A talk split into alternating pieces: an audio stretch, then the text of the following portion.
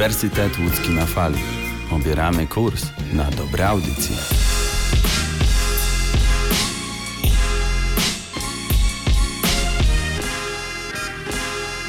Ach, ta dzisiejsza młodzież. Zero kultury. Dziadek, co ty gadasz? My jesteśmy kulturystami. Kulturyści w UE na fali. Cześć, witamy Was w kolejnym wydaniu Kulturystów. Jak zawsze niezmieniony skład, czyli Damian Zagórski i Wiktor Stańczyk. Wracamy do formy luźnej rozmowy, a będziemy rozmawiać o tym, jak wpłynęła na nas pandemia. Mm, Ciekawe, czy zaobserwowaliście to samo co my i czy się z nami zgodzicie. To wszystko się okaże. Zapraszamy.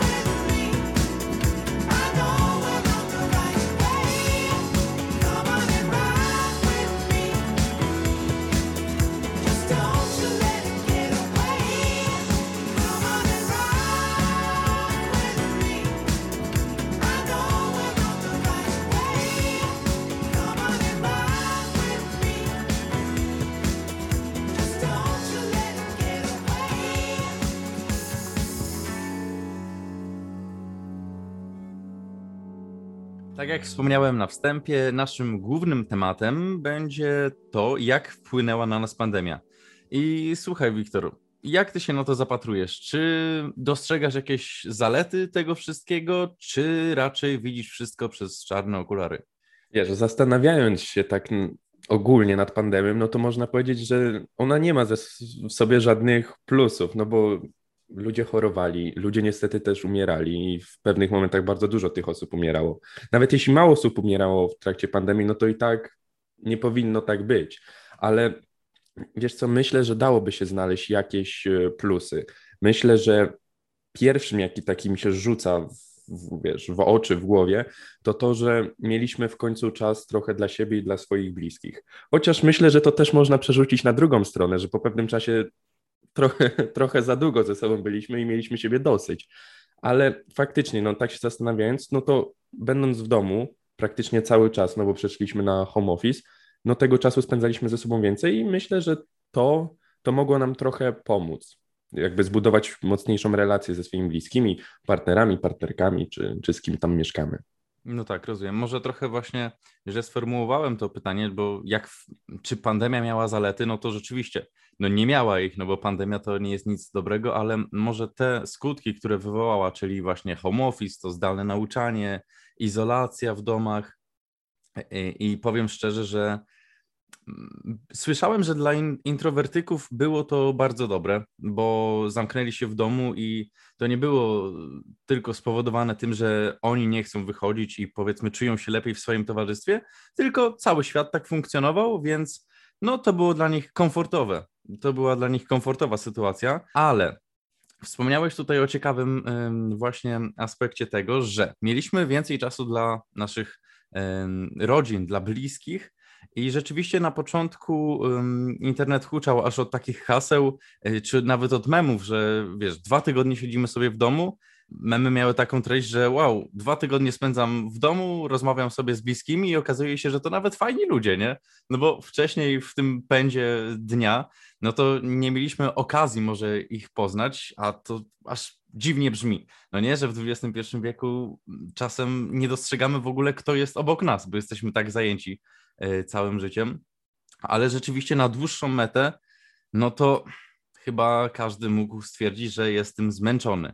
I nie dosyć, że mogło tak się stać, że przeszkadza im towarzystwo bliskich, tak 24 na, e, na dobę, to doszło nawet do tego, że pewnie niektórzy ludzie stwierdzili, że przeszkadza im towarzystwo samych siebie, bo z samym sobą w czterech ścianach też jest trudno wytrzymać. No to też dochodzi do tego kwestia, mm, gdzie mieszkamy i w jakich warunkach. To znaczy, jedni mogą mieszkać w dużym domu pod miastem i nie dość, że mają kilka pomieszczeń w swoim domu, nie tylko swój pokój, powiedzmy tam salon, jadalnię i tak dalej, a mogą też mieć jakiś ogródek, nie wiem, nazwijmy to pokój rozrywki, ale też niektórzy mieszkają tak jak my w bloku, gdzie mają powiedzmy te 40 czy 50 metrów i są zamknięci w takiej klatce i jedyne, gdzie mogli wyjść, to na podwórko gdzieś się spotkać ze znajomymi, chociaż to też nie bardzo, bo i tak wszyscy w maseczkach, nie za bardzo mogliśmy się jednoczyć w jakieś duże grupy.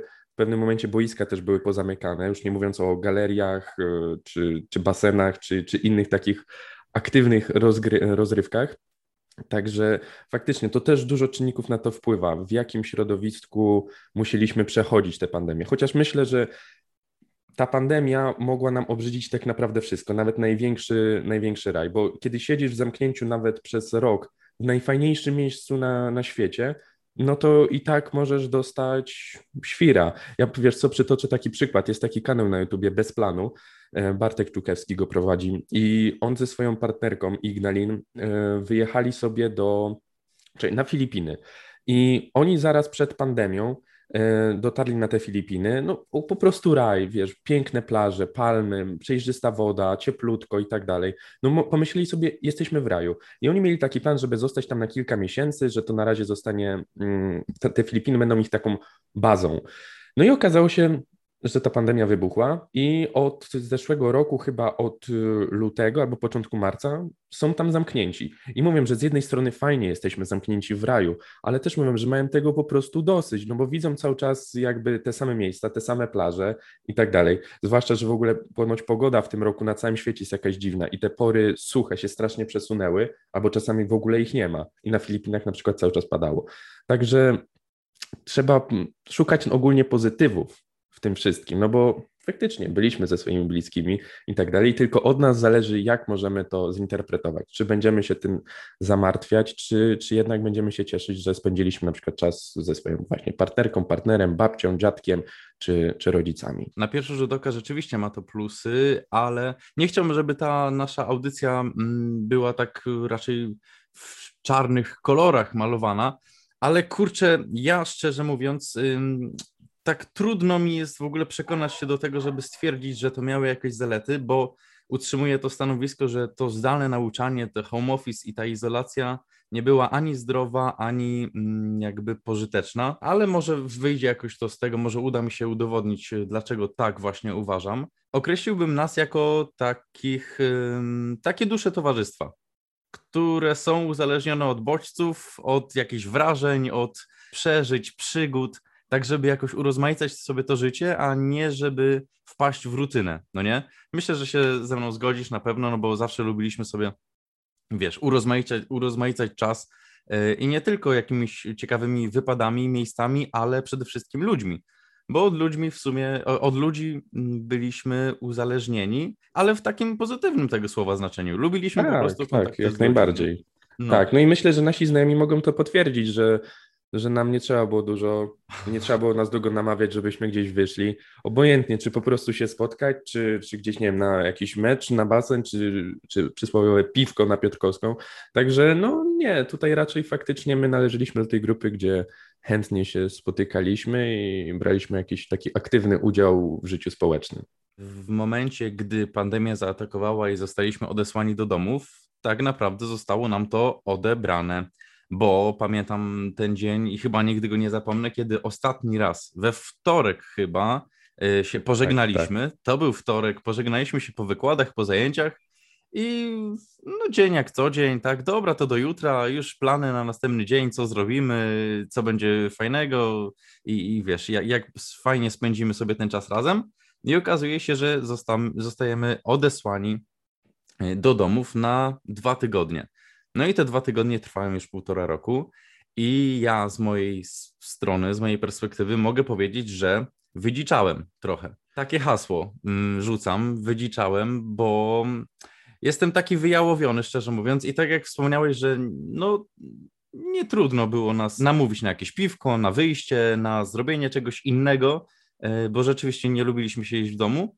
Tak teraz zauważyłem, że jakoś mało mam chęci do działania i trudno rzeczywiście jest mi się przekonać do tego, że a, wyszedłbym, bo będzie na pewno fajnie.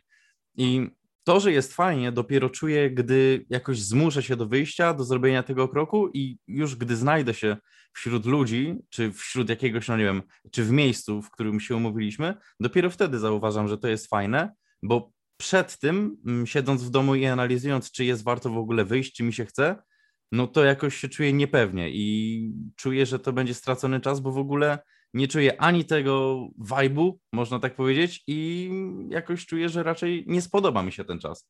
Nie wiem, czy ty też tak masz. No jestem wyjałowiony po prostu z jakichś emocji, że czuję, że mało co mi może sprawić przyjemność. Wiesz co, no ja bym porównał pandemię mm, do takiego odwyku. Odwyku od y, normalnego życia, no bo niewątpliwie normalnym życiem tego nie można było nazwać. No i jeśli mówimy o odwyku, no to oczywiście w głowie mamy też takie obrazy jak, nie wiem, odwyk po, przeciwko, nie wiem, narkotykom czy alkoholizmowi. I no jeśli odwyk jest skuteczny, no to po takim odwyku raczej już dana osoba nie chce sięgać po daną rzecz, czyli alkohol czy narkotyki, a my jako ludzie na odwyku od życia też nie chcielibyśmy, może nie, że nie chcielibyśmy sięgać po to normalne życie, ale na pewno jest nam trudniej y, po nie sięgać, no bo jak przez rok siedzisz w chałupie i patrzysz się albo w komputer, albo w telewizor i gadasz cały czas praktycznie o tym samym. O, dzisiaj było tyle zakażeń. O, dzisiaj to, nie wiem, przeszedłem 10 kroków więcej po mieszkaniu. Albo, o, wiesz co, dzisiaj to udało mi się obchodzić bez maseczki chwilę, bo nikogo akurat nie było. No to dostajesz takiego świra trochę i trochę się, wiesz co, zamieniasz takiego odludka, jak Tom Hanks na Bezludnej Wyspie w filmie Castaway i zaczynasz gadać z piłką, z Wilsonem i, Mhm. i wiesz, i zaczynasz trochę głupieć i nagle wraca to, ta normalność i to jest nagle taki powrót tej normalności teoretycznie, czegoś zupełnie takiego podstawowego, że spotykasz się z kimś, ale to w tym momencie jest po prostu takim szokiem, że tego się nie da opisać. I myślę, że przez ten szok, te pierwsze spotkania są takim szokiem dla nas, że my nie potrafimy jakby naturalnie w to wejść. Nie wiem, może to jest trochę na zasadzie tego pierwszego razu. Każdy pierwszy raz, obojętnie w jakiej sytuacji, tutaj nie spłycamy do sytuacji jakby płciowych, ale y, pierwszy raz, jakikolwiek, pierwsza jazda samochodem, y, nie wiem, pierwszy alkohol, y, pierwszy kac, czy nie wiem, pierwszy wyjazd na zagraniczne wakacje, to zawsze jest coś takiego, co jakoś cię pobudza, negatywnie albo pozytywnie. Zazwyczaj pozytywnie, no bo jak próbujesz czegoś pierwszy raz, to znaczy, że tego chcesz. bo inaczej byś tego nie próbował. Ale chodzi mi o to, że jest ta pewna taka pewna niepewność, to trochę nie po polsku brzmi, ale wiesz o co mi chodzi, że Mhm. jest ten element takiego zawahania, że wchodzisz w to, chcesz to poznać, ale nie wiesz, co to może przynieść i jak się będziesz po tym czuł. My teoretycznie wiemy, z czym to się je, z czym się wiąże spotkanie z kimś, ale nie wiemy, jak to będzie wyglądało po tej pandemii, jak zareagujemy. I myślę, że przez to to jest nasz taki mechanizm obronny. Chociaż, no wiesz, ja nie jestem żadnym socjologiem ani psychologiem, ja mówię tylko tak, wiesz, z własnego doświadczenia.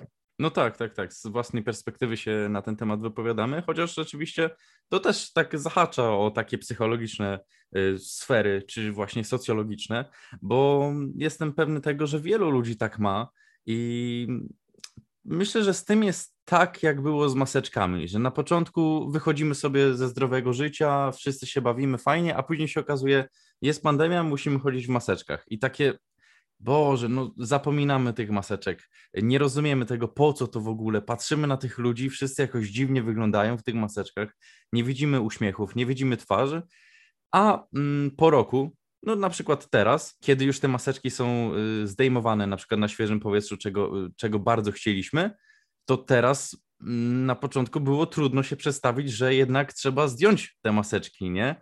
I ten mózg już wariuje, bo pomyślimy sobie, no jak to? Trudno było się przestawić do maseczek, a teraz nie wyobrażamy sobie trochę tego, jak się poruszać bez maseczki? No, trochę, trochę dziwne.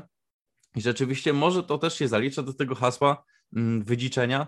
Trochę tak jest. I powiem szczerze, że tak jak mówiłeś o tym pobycie na, na bezludnej wyspie i gdzie tam bohater główny rozmawiał z piłką, czy tam z jakimiś tam zwierzętami, No.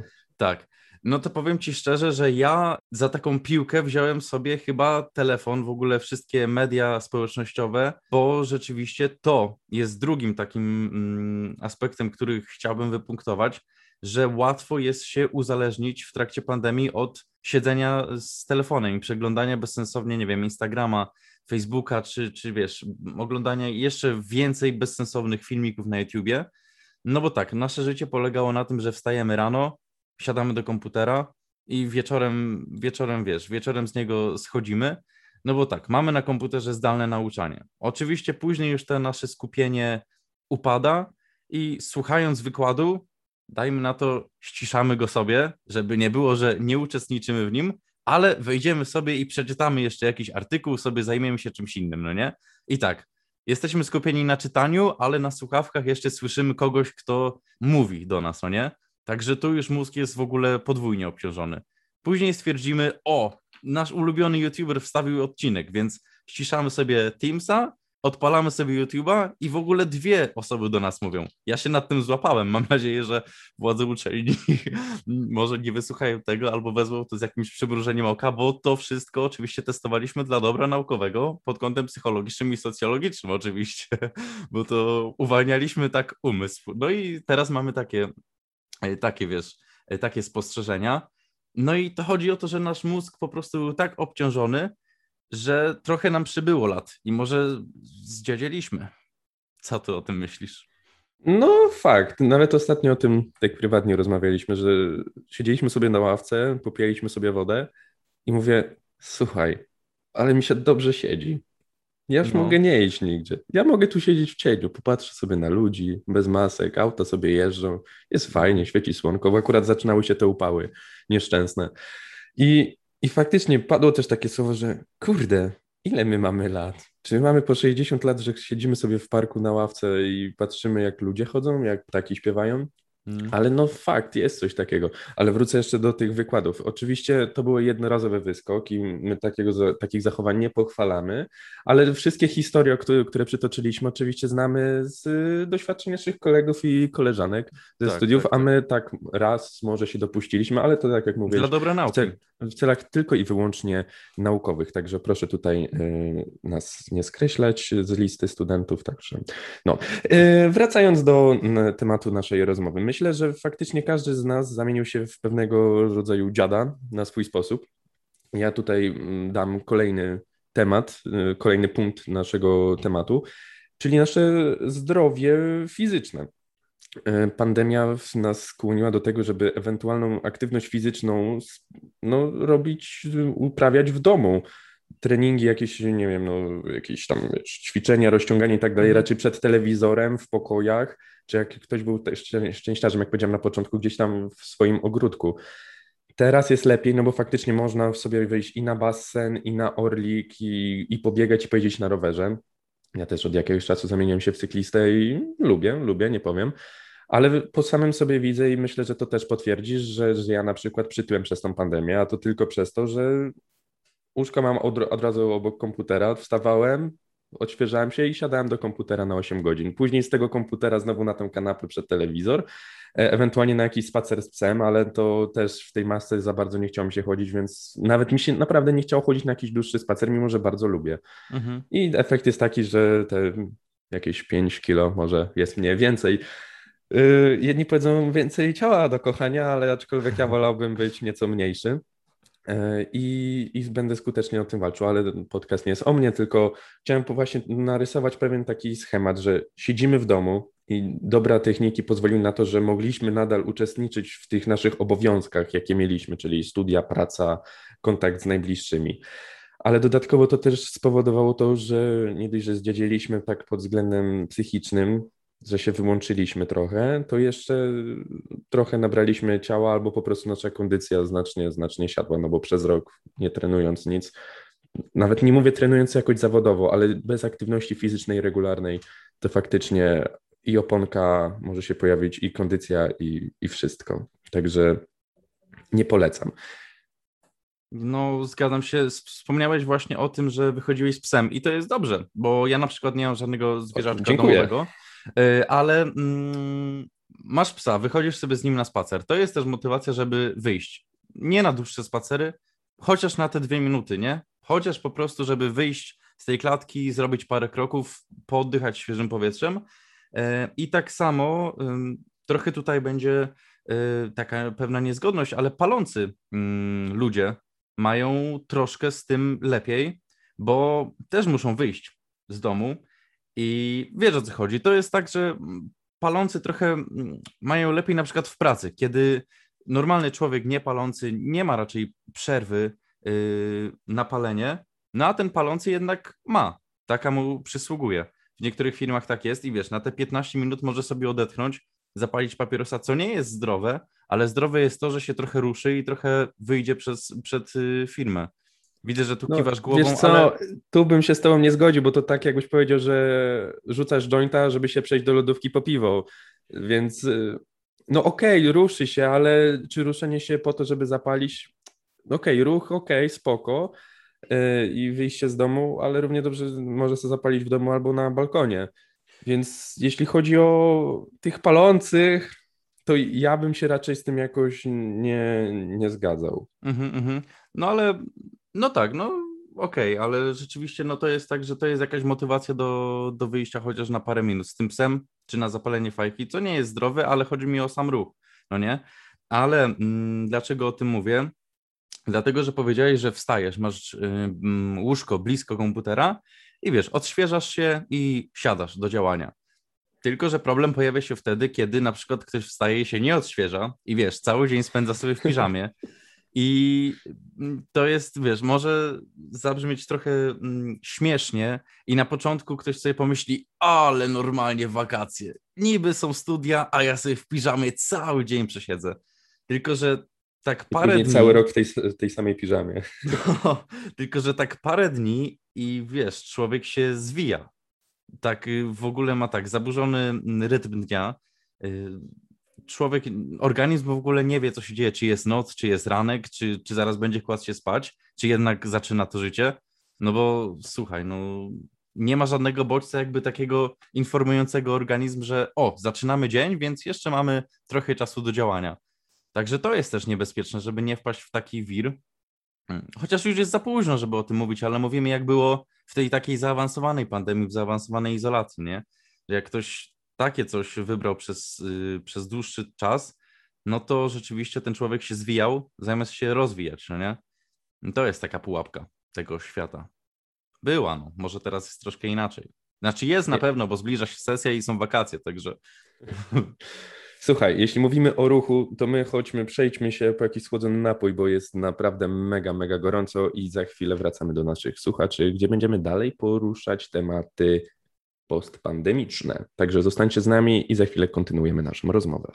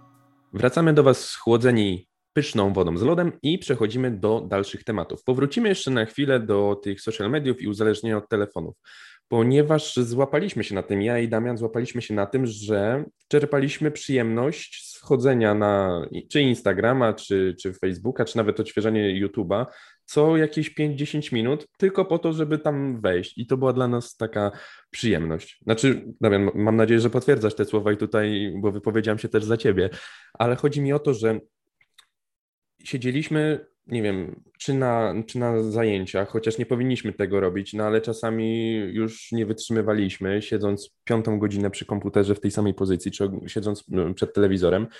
I wchodziliśmy na tego Facebooka, widzieliśmy nawet te same posty, ale wchodziliśmy dla samego wejścia. A może coś tam będzie ciekawego. I faktycznie ja też teraz to zauważam, że mając większą e, jakąś tam liczbę czynności do wykonania, to, to i tak ten, e, te, te sociale gdzieś w tym moim życiu niestety zwiększyły swoją Obecność. zwiększyły swoją obecność i swój No. czas, który na nie poświęcam. Naprawdę. To, to jest dziwne. Potwierdzam, to jest y, straszne, szczerze mówiąc, naprawdę męczy mnie to, ale to już y, doszło do takiego poziomu, że to jest taki odruch bezwarunkowy, nie?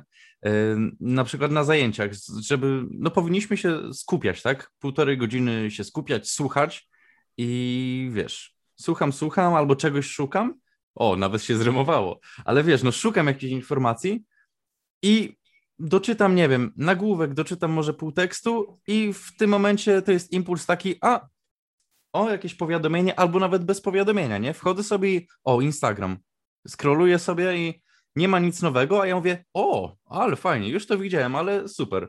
I tu, jak wspomniałeś, yy, tak prywatnie rozmawialiśmy, że na minutę daje ci to takiego kopa, że jesteś trochę w innym świecie i okej, taki zaspokojenie takiej żądzy, no nie? Tak jak, nie wiem, alkoholik na przykład musi sobie coś wypić, czy właśnie osoba uzależniona od y, mm, papierosów zapalić, to kurczę, doszło do takiego momentu, że rzeczywiście ten telefon mnie jakby wynosi na, y, na brzeg trochę i jakby pozwala mi dalej działać. I rzeczywiście prze- poczytałem sobie o tym i mm, to ogólnie chodzi o to, że takie uzależnienie od social mediów i w ogóle od internetu e, też polega na tym, że dostarczamy sobie tej dopaminy, nie? która nas tak kopie i wpływa na nas e, pozytywnie. I to już osiągnęło taki poziom, że potrzebujemy więcej tych bodźców, no nie? Więc ja czasem, jak sobie spojrzę, co zrobiłem przez dzień, szczególnie mm, w dniu, kiedy są zajęcia, to cały czas jestem przyklejony do ym, laptopa. No i wiesz, zajęcia zajęciami, ale w pasku drugim na przykład przeglądarka z jakimiś innymi bodźcami, często bezsensownymi, Instagram, Facebook, przeglądanie tego samego po parę razy i czasem no to nie starcza i trzeba jakoś dodatkowo się pobudzać. I na przykład, wiesz, pójście na przykład do łazienki. O, już powtórzyłem na przykład dwa razy, ale pójście do łazienki i w, jak, w jakimś, nie wiem, jakby hipnoza. Jestem w łazience i nagle się ocknę i patrzę, mam telefon w dłoni i mówię, wow, nawet nie pamiętam, żebym go wziął, ale tak jakoś bezwarunkowo. I znajduję się na Instagramie i wiesz, scrolluję to. I myślę sobie, na cholerę ja to wziąłem. Naprawdę, to mi tyle czasu w ogóle zabiera i mózg nie ma czasu na przemyślenie, jakoś na zwolnienie, tylko cały czas jest na wysokich obrotach, bo cały czas dostarcza mm, nowych informacji, które nie zmieniają tak naprawdę nic i tylko kosztują mnie czas, który mógłbym wykorzystać no, na coś bardziej pożytecznego. I wiesz co, myślę, że tutaj mm, w tym miejscu pojawia się problem zajęć zdalnych. Ja wiem, że nasi wykładowcy robią co mogą, bo też musieli się przestawić z tego normalnego, stacjonarnego trybu na tryb zdalny, tak samo jak my. Tylko to wychodzi ze szkodą i dla nich, i dla nas, bo dla nich ze szkodą chcą nam przekazać jakąś wiedzę, przeprowadzić zajęcia i ze szkodą w tym sensie, że czasami te zajęcia wyglądają o 180 stopni inaczej niż wyglądałyby na uczelni czy gdzieś tam w terenie, no bo takie zajęcia też są, czy nawet na naszym kierunku na dziennikarstwie, czy na jakichś tam innych, to gdzieś te zajęcia takie praktyczne są poza murami uczelni. I w jaki sposób taki nauczyciel ma przeprowadzić zajęcia praktyczne no, w tym terenie przez komputer? No, no nie da się. Więc trzeba było szukać jakichś alternatyw. E, My musieliśmy też się do tego dopasować, żeby przez te, no czasami nawet 12 godzin, e, bo były takie dni, przez 12 godzin usiedzieć w jednym miejscu, patrząc się w monitor i monitor swojego komputera, co moim zdaniem też nie jest fajne, bo jak jesteś u ciebie w pokoju, na swoim krzesełku, na, przy swoim biurku, y, nie wiem, ktoś z domowników jeszcze donosi ci jakieś tam jedzonko, kawkę, herbatkę, obiadek i tak dalej, jak masz oczywiście szczęście, y, to masz takie poczucie, kurczę, no czy to jest takie ważne? No przecież jestem u siebie, tu jestem jakby w takiej bańce i tu się na pewno nic nie stanie. Bo jak jesteś na uczelni, no to wiesz, jesteś w miejscu, no jedni powiedzą w miejscu swojej pracy, w miejscu do, nau do nauki. I jak jesteś w szkole, na uczelni, to masz to poczucie, że musisz się faktycznie spiąć i tam naprawdę w 100% się temu poświęcasz. Okej, no na pierwszym roku nie zawsze tak było, ale to były jakieś pojedyncze wyskoki. Chodzi mi o to, że w domu nie dość, że się rozleniwiliśmy patrząc na naukę, to mniej, dochodziło do tego mniejsze skupienie. I zajęcia zdalne naprawdę określam jako mianem wielkiej porażki. I oczywiście nie, tutaj nie, nie winię żadnego nauczyciela, wykładowcy, bo każdy był w tym szambie razem z nami i oni cierpieli razem z nami i my razem z nimi. Ale uważam, że to była ogromna szkoda dla nas i te półtora roku, które spędziliśmy na tym home office, poszło w piach. Poszło. Zgadzam się z Tobą. No, z przykrością zgadzam się, no bo tak, straciliśmy dużo czasu, tak powiem. No bo nie dosyć, że. mm, Może inaczej ugryzę ten temat. Jak mieliśmy jeszcze możliwość y, zaznajomienia się z, ze studiowaniem stacjonarnym, to wszystko miało jakieś swoje proporcje, tak? Siedzieliśmy długo na uczelni, ale później długo sobie resetowaliśmy mózg na ulicach ze znajomymi, z uśmiechem i wiesz, celebrowaliśmy wolne chwile, żeby później znowu wrócić na uczelnię, a później, żeby znowu jednak troszkę odmienić to i zrelaksować się. A tutaj na zdalnym tego nie było, bo cały czas była uczelnia, mimo że nie tak fizycznie, tylko cyfrowo, no to cały czas byliśmy na tych zajęciach, cały czas y, słuchaliśmy tych informacji, cały czas coś czytaliśmy, coś robiliśmy, No i na takich obrotach już później można zwariować, bo nie stawiasz jakiejś kontry do tego i nie masz możliwości zrelaksowania się. Druga sprawa, że wydaje mi się, że na zdalnym jakoś znacznie więcej tej roboty było. Wiesz, nawet y, czasem złapałem Tak, się na tak. tym, że weekendy były zajęte. Nawet one nie były wolne, bo tak, jedne zadanie y, mieliśmy zadane na Teamsie, drugie wysłać coś na maila, trzecie jeszcze gdzieś indziej, czwarte jakaś inna platforma. I to naprawdę, to obciążenie dla nas nie było dobre. I szczerze mówiąc, ja już złapałem się na tym, że czasem aż mam taki paniczny strach przed spojrzeniem w ogóle, przed włączeniem laptopa, bo jak widzę laptopa, to widzę już wieczór, zmęczenie i te zajęcia, potok słów, który po prostu odbija się od uszu, bo już nawet nie wpada, bo nie ma gdzie do głowy. Tak samo mam z telefonem. Teraz trochę już lepiej to wygląda i czasem mam taką chęć, żeby uciec w ogóle, żeby wyłączyć to wszystko i jakoś, nie wiem, wyjść na zewnątrz i spojrzeć w niebo i zobaczyć, nie wiem, jak ptaki latają, albo, albo drzewa się ruszają, albo jak trawa rośnie, nie? Żeby docenić te chwile, gdzie jesteśmy i jak w ogóle świat wygląda. A, bo mieliśmy obraz tego świata tylko przez, wiesz, niebieskie światło emitowane przez urządzenia i to było naprawdę no, niekorzystne, ale mam nadzieję, że wyjdziemy na prosto. Teraz zbliża się sesja, a myślę, że jakoś tam minie, jakoś damy sobie radę, a potem wakacje. Długie dni upragnione, wolne, także może to będzie szansa na jakby taki reset dla mózgu.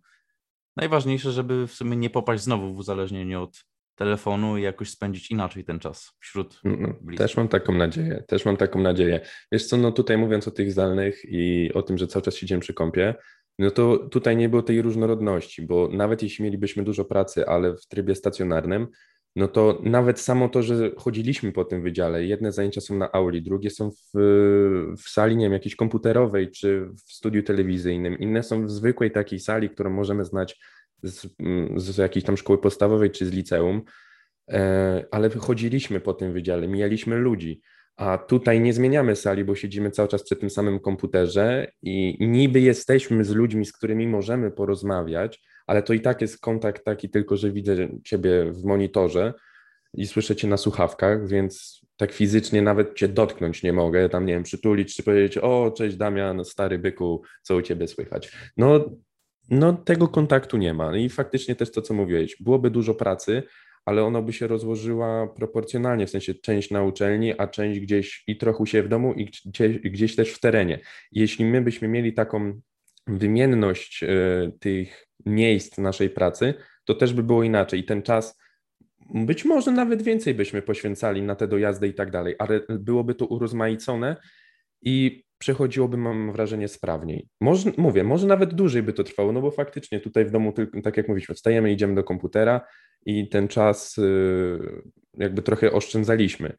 Ale wolałbym stracić troszeczkę więcej czasu nawet na dojazd czy, czy na pracę gdzieś poza uczelnią, nad danym jakimś materiałem do, do zajęć, niż y, pracować tylko i wyłącznie przed y, monitora i przy klawiaturze, bo to męczy, taka monotonia po prostu. I to jest, mam wrażenie, główny problem tego nauczania zdalnego. Monotonia i brak jakiejś wymienności. Ale zobaczymy. My jak zwykle jesteśmy pełni nadziei, zwłaszcza, że teraz robi się bardzo ciepło, dni są bardzo słoneczne, wakacje już tuż, tuż. I myślę, że jak dobrze pójdzie, to może w październiku faktycznie będziemy mogli zaznać tego trybu, którego zaznaliśmy na pierwszym roku i kto wie, może będzie jeszcze przepięknie, jeszcze będzie normalnie. Mamy taką nadzieję. Wspomniałeś, że nasz ruch podczas stacjonarnego nauczania w takiej normalnej formie to był ograniczony. Wtedy on wydawał się ograniczony do tego, że przechodziliśmy z jednej auli do drugiej, z jednej sali do drugiej, nawet niektórzy z jednego budynku do drugiego, a natomiast na zdalnym ten ruch ograniczony był do ruchu ręką i przełączenia okienka, żeby zalogować się do innej platformy, na której mieliśmy zajęcia. No ale My żadnego ruchu nie ograniczamy, także niech poleci muzyka, niech sobie leci w tle, a my zachęcamy do tego, żeby wybrać się do lodówki i żeby nawodnić się, bo warto pamiętać o tym, żeby pić dużo wody w takie upały.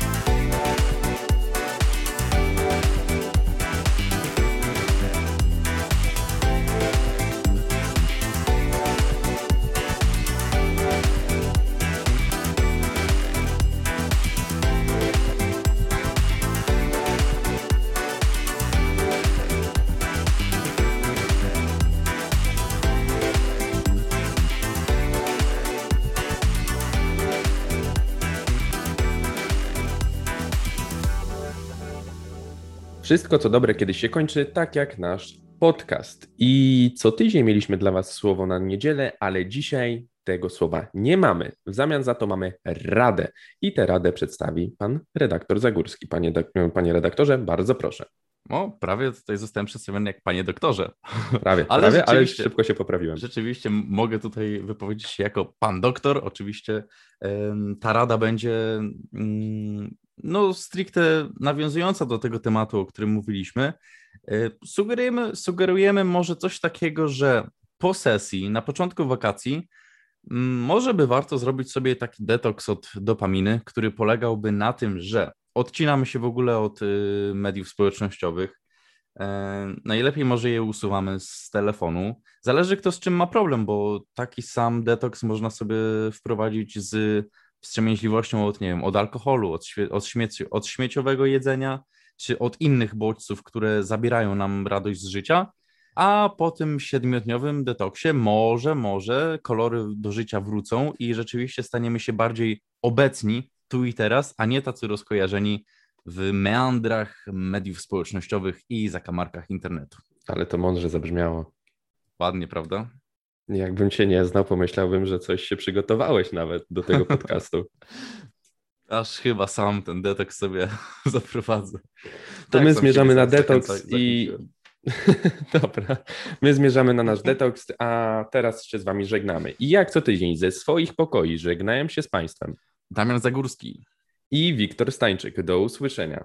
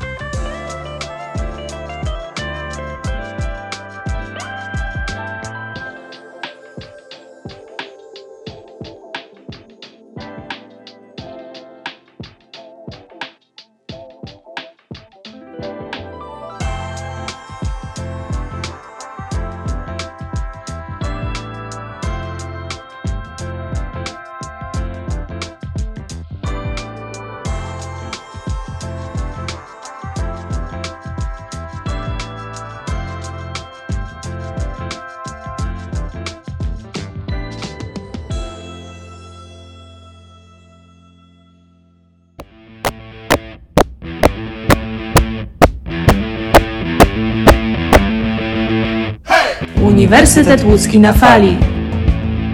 Spotyka się kulturoznawca z filmoznawcą, czyli początek łódzkiego dowcipu. Skoro Michał zawsze zaczynał tę audycję, to zrobimy wyjątek i ja dzisiaj zacznę. Witamy Was bardzo serdecznie. Jak zwykle Julka i Michał, jak już to dobrze wiecie, jestem studentką kulturoznawstwa przypomnijmy więc, ja jestem studentem filmoznawstwa. I bardzo serdecznie zapraszamy Was na dzisiejszą audycję, która będzie poświęcona Teatrowi Jaracza w Łodzi. W zasadzie takim tematem przewodnim będzie spektakl pod tytułem Wojna na trzecim piętrze, ale zanim przejdziemy do głównego tematu, zapowiemy Wam dwie rzeczy. Pierwsza z nich jest taka, że w drugiej części naszego podcastu czeka na Was naprawdę wykwintna, wspaniała niespodzianka. Więc rzeczy, których nie mówimy teraz odnośnie chociażby VOD, rozwiną się w dalszej części. Nie przewijajcie, proszę, nie przewijajcie. Warto z nami teraz zostać. Natomiast jest czerwiec, najpiękniejszy miesiąc w roku, czyli tak zwany Pride Month. I z tej okazji życzymy wszystkim osobom, które odchodzą w jakiś sposób od heteronormatywnej czy binarnej normy. Chcemy życzyć wszystkiego, wszystkiego najlepszego. Bądźcie dumni, bądźcie piękni i bądźcie wspaniali. To jest miesiąc tak naprawdę dla nas, dla nas wszystkich i również dla osób sojuszniczych. Także wszystkiego, wszystkiego najlepszego dla Was. Widzimy się, mam nadzieję, na marszach albo na jakichś manifach i bawmy się i żyjmy pięknie w ten cudowny, wspaniały miesiąc. Wszystkiego najlepszego dla Was jeszcze raz, a teraz przejdźmy do teatru. Zajmujemy się dzisiaj Teatrem Jaracza w Łodzi i głównie skupiamy się na spektaklu, który mieliśmy okazję obejrzeć na żywo już, czyli Wojna na trzecim piętrze. I może przeczytam taki krótki opis, który jest zamieszczony na sceny teatru, bo dosyć fajnie i zwięźle opisuje spektakl, kto go tworzył i czyj jest to dramat. Scena inicjatyw aktorskich Proscenium po znakomicie przyjętych mrocznych perwersjach codzienności w reżyserii Rafała Sabary sięga po pełną dowcipu i wartkich dialogów tragikomedię Pawła Kuchota. Podszyta kawkowskim absurdem, sztuka urzeka prawdziwie czeskim humorem oraz niezwykłą aktualnością, co czyni ją zarówno śmieszną, jak i przerażającą. Tej groteskowej, bardzo przystępnej formie zawiera się opowieść o determinizmie jednostki i mechanizmach manipulowania właściwym systemom totalitarnym. Głównym bohaterem jest układ, w wyniku którego mecenas Blacha otrzymuje w środku nocy wezwanie do wojska, zaś jego mieszkanie zamienia się w plac boju. Za przekład odpowiedzialna jest Krystyna Krause, opieką reżyserską zajął się Marcin Hycnar, opieką scenograficzną Katarzyna Zbłowska, Opracowanie muzyczne należy do Mateusza Dębskiego, opracowanie efektów dźwiękowych do Waldemara Osieckiego, reżyserią światła zajął się Olaf Makiewicz, a inspicjentką była Ewa Wielogosińska. Na scenie możemy zobaczyć Mariusza Witkowskiego, Urszulę Gryczewską, Mariusza Siudzińskiego i Roberta Latuska. Spektakl tak naprawdę jest stworzony przez czterech aktorów, a w zasadzie trzech aktorów i jedną aktorkę. I jak zaczęliśmy sobie ten spektakl omawiać albo wymieniać takie swoje pierwsze spostrzeżenia, to wyszło na to, że przede wszystkim się bardzo dobrze bawiliśmy. Było to dla nas taki przyjemny, lekki czas spędzony w teatrze. Miło się na to patrzyło. Tak, to był popandemiczny, czy popandemiczny, e, po takiej długiej, długiej e, izolacji mój drugi spektakl, bo pierwszy spektakl, na którym byłem, to była właśnie klatka e, monodram Marcinkowskiego w reżyserii Katarzyny Żuk, natomiast taki wypad na, na powiedzmy profesjonalny teatr to właśnie był Teatr i to była Wojna na trzecim piętrze. I ten absurd i to, o czym była mowa w opisie, czyli ten taki kawkowski światek w połączeniu właśnie z takim specyficznym czeskim humorem, jeżeli ktoś w ogóle lubi właśnie kino czeskie albo, albo, albo nie wiem, na przykład kojarzy Emira Kusturice, to to jest właśnie ten klimat, który tam gdzieś, gdzieś, gdzieś się odbywa, jeżeli sobie mogę porównać to do twórców filmowych. I to czuć, i to jest zabawne. Natomiast w miarę jak później omawialiśmy i rozkładaliśmy na czynniki pierwsze te elementy, które by nas najbardziej interesowały, żeby wydobyć esencję z tego spektaklu, to wkroczyliśmy na taki naprawdę grząski grunt m, takiej... Do tego, do tego stopnia w zasadzie, że z Michałem zaczęliśmy po prostu być zdenerwowani. W sensie nie byliśmy na siebie zdenerwowani, bo w sumie mieliśmy bardzo podobne poglądy, ale zaczęło nas wywierać to takie emocje, to zdecydowanie odmienne od tej właśnie śmieszności i lekkości tego spektaklu, które były w pierwszym odbiorze, że to było aż nie takie niesamowite, że coś, co nas bardzo bawiło i było takie właśnie lekkie i przyjemne, ewoluowało w trakcie dosłownie, nie wiem, może pięciominutowej dyskusji w coś bardzo ciężkiego i niekontrowersyjnego. Ale to jest właśnie ale... fajne w tym spektaklu, że wiesz, wychodzisz z teatru, cieszysz się na niebo, super dowcipy, świetna obsada, genialna I już w drodze do aranżacja. tramwaju wiesz, że coś się dzieje. Tak, że coś się stało bardzo złego, że, że śmialiśmy się tak naprawdę w momentach, z których w ogóle się nie powinniśmy śmiać, że to jest takie uświadomienie sobie mocy, jaką w zasadzie niesie ze sobą mm, dramat, który właśnie tam obejrzeliśmy. No generalnie jak już dotrze się z teatru do domu, to już jest tylko płacz w poduszkę. Tak, to już jest tylko płacz poduszka. I takim e, jednym z aspektów, który na przykład się objawia w tym spektaklu, to jest ten tytułowy konflikt, o którym była również mowa w opisie, że mamy ten plac boju, bo fabuła tego spektaklu polega na tym, że mamy naszego tytułowego Blachę oraz Millera, którego dość długo nie poznajemy w trakcie spektaklu, tylko poznajemy go dopiero pod koniec, który jest nomen omen grany przez tego samego aktora, który gra Blachę, co jest również takim zabiegiem e, komicznym, natomiast konsekwencji i w dalszej części komiczne wcale nie jest. Dostaje Blacha informację, że Miller właśnie do jego jedzie zabić jego, e, przejąć jego, zdaje się, majątek i, i posiąść jego żonę. I nagle w życiu Blachy dzieją się rzeczy absurdalne, bardzo groteskowe i pojawiają się kolejne postacie, które przygotowują go do starcia z Millerem. I teraz tak sobie myślę, a właściwie myślimy, że, że to jest y, również taki mm, sposób na przedstawienie metaforycznie jakiegoś pomysłu albo tezy mówiącego o tym, że tak naprawdę wojny mogłyby się odbywać powiedzmy w takim bardzo twardym i dużym cudzysłowiu, na trochę bardziej pokojowym gruncie, że wyznaczamy właśnie osoby, które reprezentują jakąś, y, ja- jakąś tezę, jakiś kraj, czy nie wiem, co tam jeszcze mogą reprezentować i zderzamy ze sobą po prostu jednostki, ograniczając dzięki temu skalę, w jakiej działaby się wojna, tak? Czy chociażby ja też się później odwołałem do tego, że przecież w którymś z, z krajów, zdaje się, są prowadzone badania na temat tego, żeby wojny ewentualne były prowadzone e, z dronami bezzałogowymi. To jest też jakaś opcja. Szkoda w ogóle, że musimy rozpatrywać takie rzeczy. Tak. To jest bardzo smutne.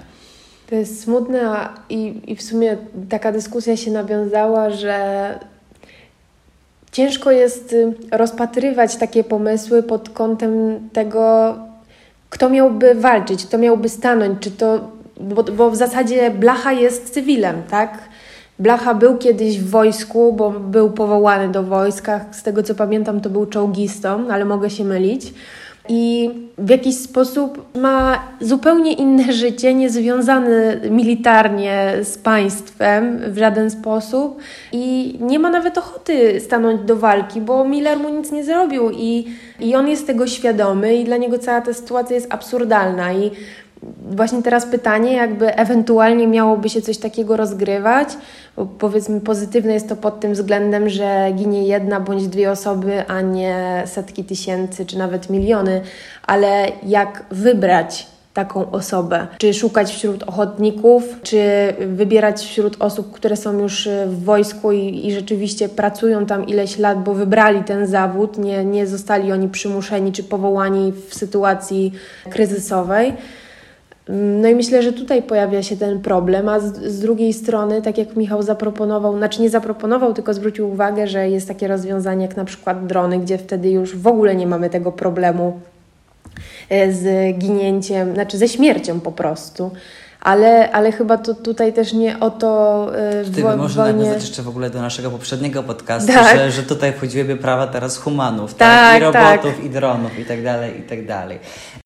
E, Ale też myślę sobie, że ta tytułowa wojna, o której mówimy, o tej nieszczęsnej zagładzie, to jest też bynajmniej nawet nie chodzi o tę konfrontację między Blachą a Millerem, tylko ta walka dzieje się na różnych poziomach, ponieważ tam w pewnym momencie poznajemy generałów obu stron, które są e, zmuszone ze sobą walczyć. A także w to wszystko jest wplątana nasza bohaterka, która jest żoną Blachy, która mało z tego nie ma swojego własnego imienia, tylko zawsze jest, jest traktowana dość przedmiotowo. I teraz e, o, co mi chodzi w, w tym takim wstępnym e, moim delikatnym monologu, że ta wojna dzieje się na różnych płaszczyznach i na samej górze tej piramidy walki stoją generałowie, którzy ze sobą walczą, bo mają tam jakieś przeświadczenie, który z nich jest lepszy i jak później dowiadujemy się, zapalają pokojowe cygaro, mówiąc, że ach, do następnego, ale tutaj ci nabałaganiłem w twoim mieszkaniu, o Jezu, zobacz i tak dalej. Tak, To taka jest- rut, rutynowa walka w zasadzie, z- z- tak. z- kolejny zakładzik, no nie, ktoś tam umarł, nieważne, no nie, cygaro Tak, pokoju, trzeba- trzeba widzimy się zrobić- za tydzień, tak. jak na gol. Jak to jest po prostu taki teraz taką, taka myśl mnie naszła, że to jest jak takie cotygodniowe spotykanie się na golfa po prostu. Tylko Tak, tak, albo też mi się skojarzyło e, gdzieś, e, wiesz, e, takie rankingi w korporacji, no nie, że nie wiem, albo nie wiem, pracownik miesiąca, no nie, coś w tym stylu. No, jeden generał jest pracownikiem miesiąca dla państwa e, w tym miesiącu właśnie, a drugi będzie w innym, jeżeli wygra Miller albo Blacha. Więc to jest jakby pierwsza ta piramida, co, co, co już teraz w ogóle wydaje się jeszcze bardziej okrutne. Naprawdę z czasem analizy tego spektaklu dzieje się, czy jest coraz okrutniej, ale, ale pamiętajmy o tym, że to jest wciąż tragikomedia. Tam są elementy komediowe, o których Ja myślę, że w mówili. ogóle to jest dlatego przykre, bo e, odnajdujemy siebie w blasze. W sensie to też jest normalny, normalny. Nie w aluminium. To też jest osoba, która wiedzie jakieś życie, tak samo jak i my, nie jest właśnie związany w żaden sposób tą, z tym konfliktem, tak? I, I na dobrą sprawę mamy świadomość, że jeżeli coś takiego by istniało, to też kiedyś mogłoby paść na nas.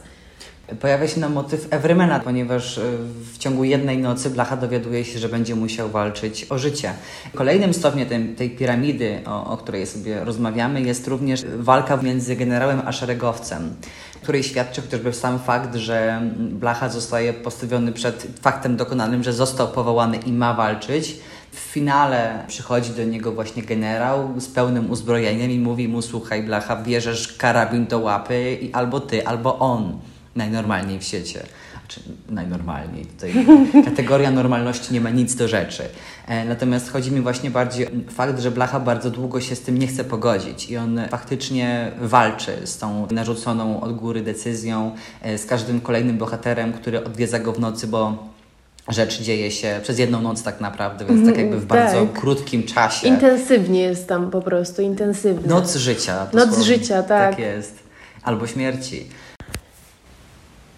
I kolejnym etapem, którym możemy również e, sobie porozmawiać, to jest ten etap zrodzony z przymusu walki, czyli właśnie szeregowiec kontra szeregowiec, czyli walka Blachy z Millerem, którzy się spotykają na kilka sekund. To spotkanie dzieje się poza naszymi oczami, ponieważ odbywa się na klatce schodowej, której nie ma w scenografii. I Tutaj ta, ta, ta, ta kwestia byłaby naj, naj, najmniej rozwinięta i najkrócej rozwinięta, ponieważ, e, no mówię, i Miller, i Blacha są zmuszeni przez generałów do tego, żeby podjąć między sobą walkę, mimo tego, że nic o sobie nie wiedzą, nie znają się i myślę sobie, że pewnie długo by się nie spotkali, gdyby nie to. I takim ostatnim mm, elementem, który tam się pojawia, to jest szeregowiec i cywil, czyli właśnie relacja Blachy oraz jego żony, ale także innych bohaterów, którzy tam do tej żony cały czas e, coś mają i wobec tej bohaterki nie pozostają obojętni.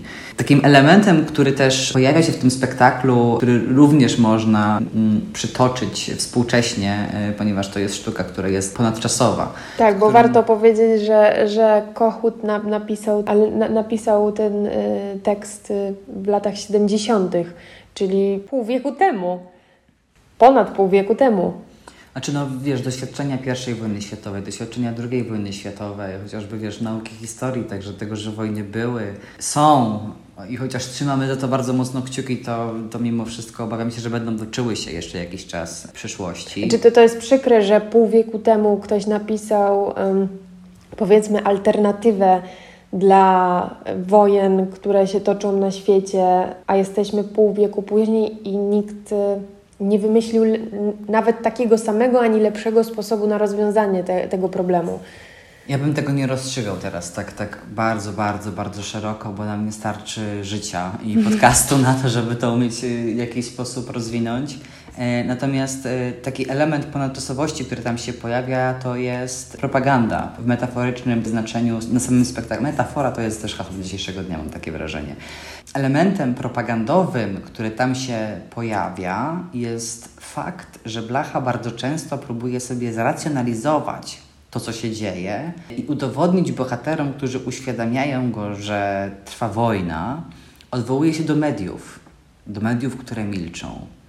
I tu jakby rodzi się taka teza, która mówi o tym, że jeżeli czegoś nie ma w mediach, to to nie istnieje. I to pokazuje, jak dużą władzę niosą ze sobą media, że jeżeli coś pokazują, to to musi być prawda. I tak by mogli twierdzić inni. No i co ciekawe, w ogóle jest taki wątek rozwinięty, że pomijając to, że nie ma mm, tego nigdzie podanego do informacji medialnej, że jest wojna, która w jakiś tam sposób trwa i nie została rozstrzygnięta, co wiemy z właśnie dialogu końcowego generałów, ale że mieszkańcy, którzy mieszkają w tej samej kamienicy bądź ulicy obok, zostali poinformowani, że jest kręcony film. I totalnie nikt nie, nawet nie wpadł na to, żeby to podważyć i strzały ich w jakiś sposób nie dziwią, czy wybuch budynku. No tak, mało z tego jest tam kwestia, w której Blacha w pewnym momencie zaczyna panicznie krzyczeć i dostaje informację od swojego sąsiada, który dzwoni do niego właśnie przez telefon i mówi mu, żeby tak nie krzyczał, bo przecież film kręcą. No tak, I w tak. kamienicy, tak, nie mając świadomości tego, że Blacha tam właśnie walczy o życie, bo Miller rzuca w niego granatami. E, natomiast mm, też taki element, y, porównując to jeszcze do, do teraźniejszości, tak jakby, bo wspomniałem o tym, że inni myślą o tym, że w telewizji jest sama prawda, co jest oczywiście kłamstwem, bo mm, pamiętajmy o tym, żeby każde źródła sprawdzać, czy są wiarygodne, e, albo porównywać się do, do innych źródeł, e, szczególnie jeżeli chodzi o ten przekaz medialny, który jest bardzo mocno e, manipulujący. To jest też przykre, że, że cały czas wymyślając każde kolejne nowe medium, w pierwszej kolejności jest ono w ogóle fantastyczne, jest jakąś nowością. Która Znaczy ja myślę, że teraz jest jeszcze gorzej. Fajnie, że mamy internet i to daje dużo możliwości nawet tej konfrontacji właśnie tego, co ci pusz- co puszczają media, czytaj telewizja czy radio. Bo wchodzisz i masz szybko informacje, aczkolwiek trzeba mieć świadomość tego, że algorytmy działają i naprawdę w jakiś sposób ograniczają to nasze pole widzenia, czego często nie jesteśmy świadomi. I są takie artykuły, które zmieniają jakieś drobnostki, później rodzą się jakieś nieporozumienia, tak? Ktoś zacytuje fragment wypowiedzi Wyjęty z kontekstu. z kontekstu Mhm. nie wiem, zdanie później albo zdanie wcześniej i już tak jakby ta wypowiedź nabiera zupełnie nowego wymiaru, więc to są tego typu elementy, ale o tym ewentualnie jeszcze może w dalekiej przyszłości będziemy e, rozmawiali. Też takim elementem, może takim bardziej, który dostrzegła Jula, chodzi o to, że tam również się pojawiają takie lingwistyczne smaczki. Mianowicie pojawia się nomenklatura bardzo mocno związana właśnie z y, epoką socjalizmu w Polsce, czyli są takie hasła jak towarzyszu, droga osobo, zwracanie się w trzeciej osobie itd., itd. Czyli to są takie elementy, które Dzisiaj mało z tego są tak jakby elementem trochę y, żartu. Komunizm i, i czerwona flaga i jest tak zabawnie i, i śmiesznie, natomiast i, i te, ten spektakl z tego korzysta. Tak, tak, Oczywiście w zupełnie innym wymiarze. To nie jest zrobione tak jak współcześnie w internecie z perspektywy mema, ale bardziej podchodzi do tego poważnie i jest to bardziej intelektualny dowcip niż wizualny, po prostu jakaś wstawka internetowa, ale mimo wszystko gdzieś to tam funkcjonuje z taką świadomością, że to też jest cały czas aktualne, więc to też e, chylę czoła, że udało się w jakiś sposób do tego nawiązać, co jest nie lada sztuczką, żeby również taki spektakl zaopatrzyć w takie elementy, które trafiają do bardzo szerokiego spektrum pokoleniowego. Dzisiejszy podcast będzie bardzo sinusoidalny, jeżeli chodzi o różnego rodzaju dowcipy, tragizmy, komizmy. Weźmy oddech i posłuchajmy muzyki.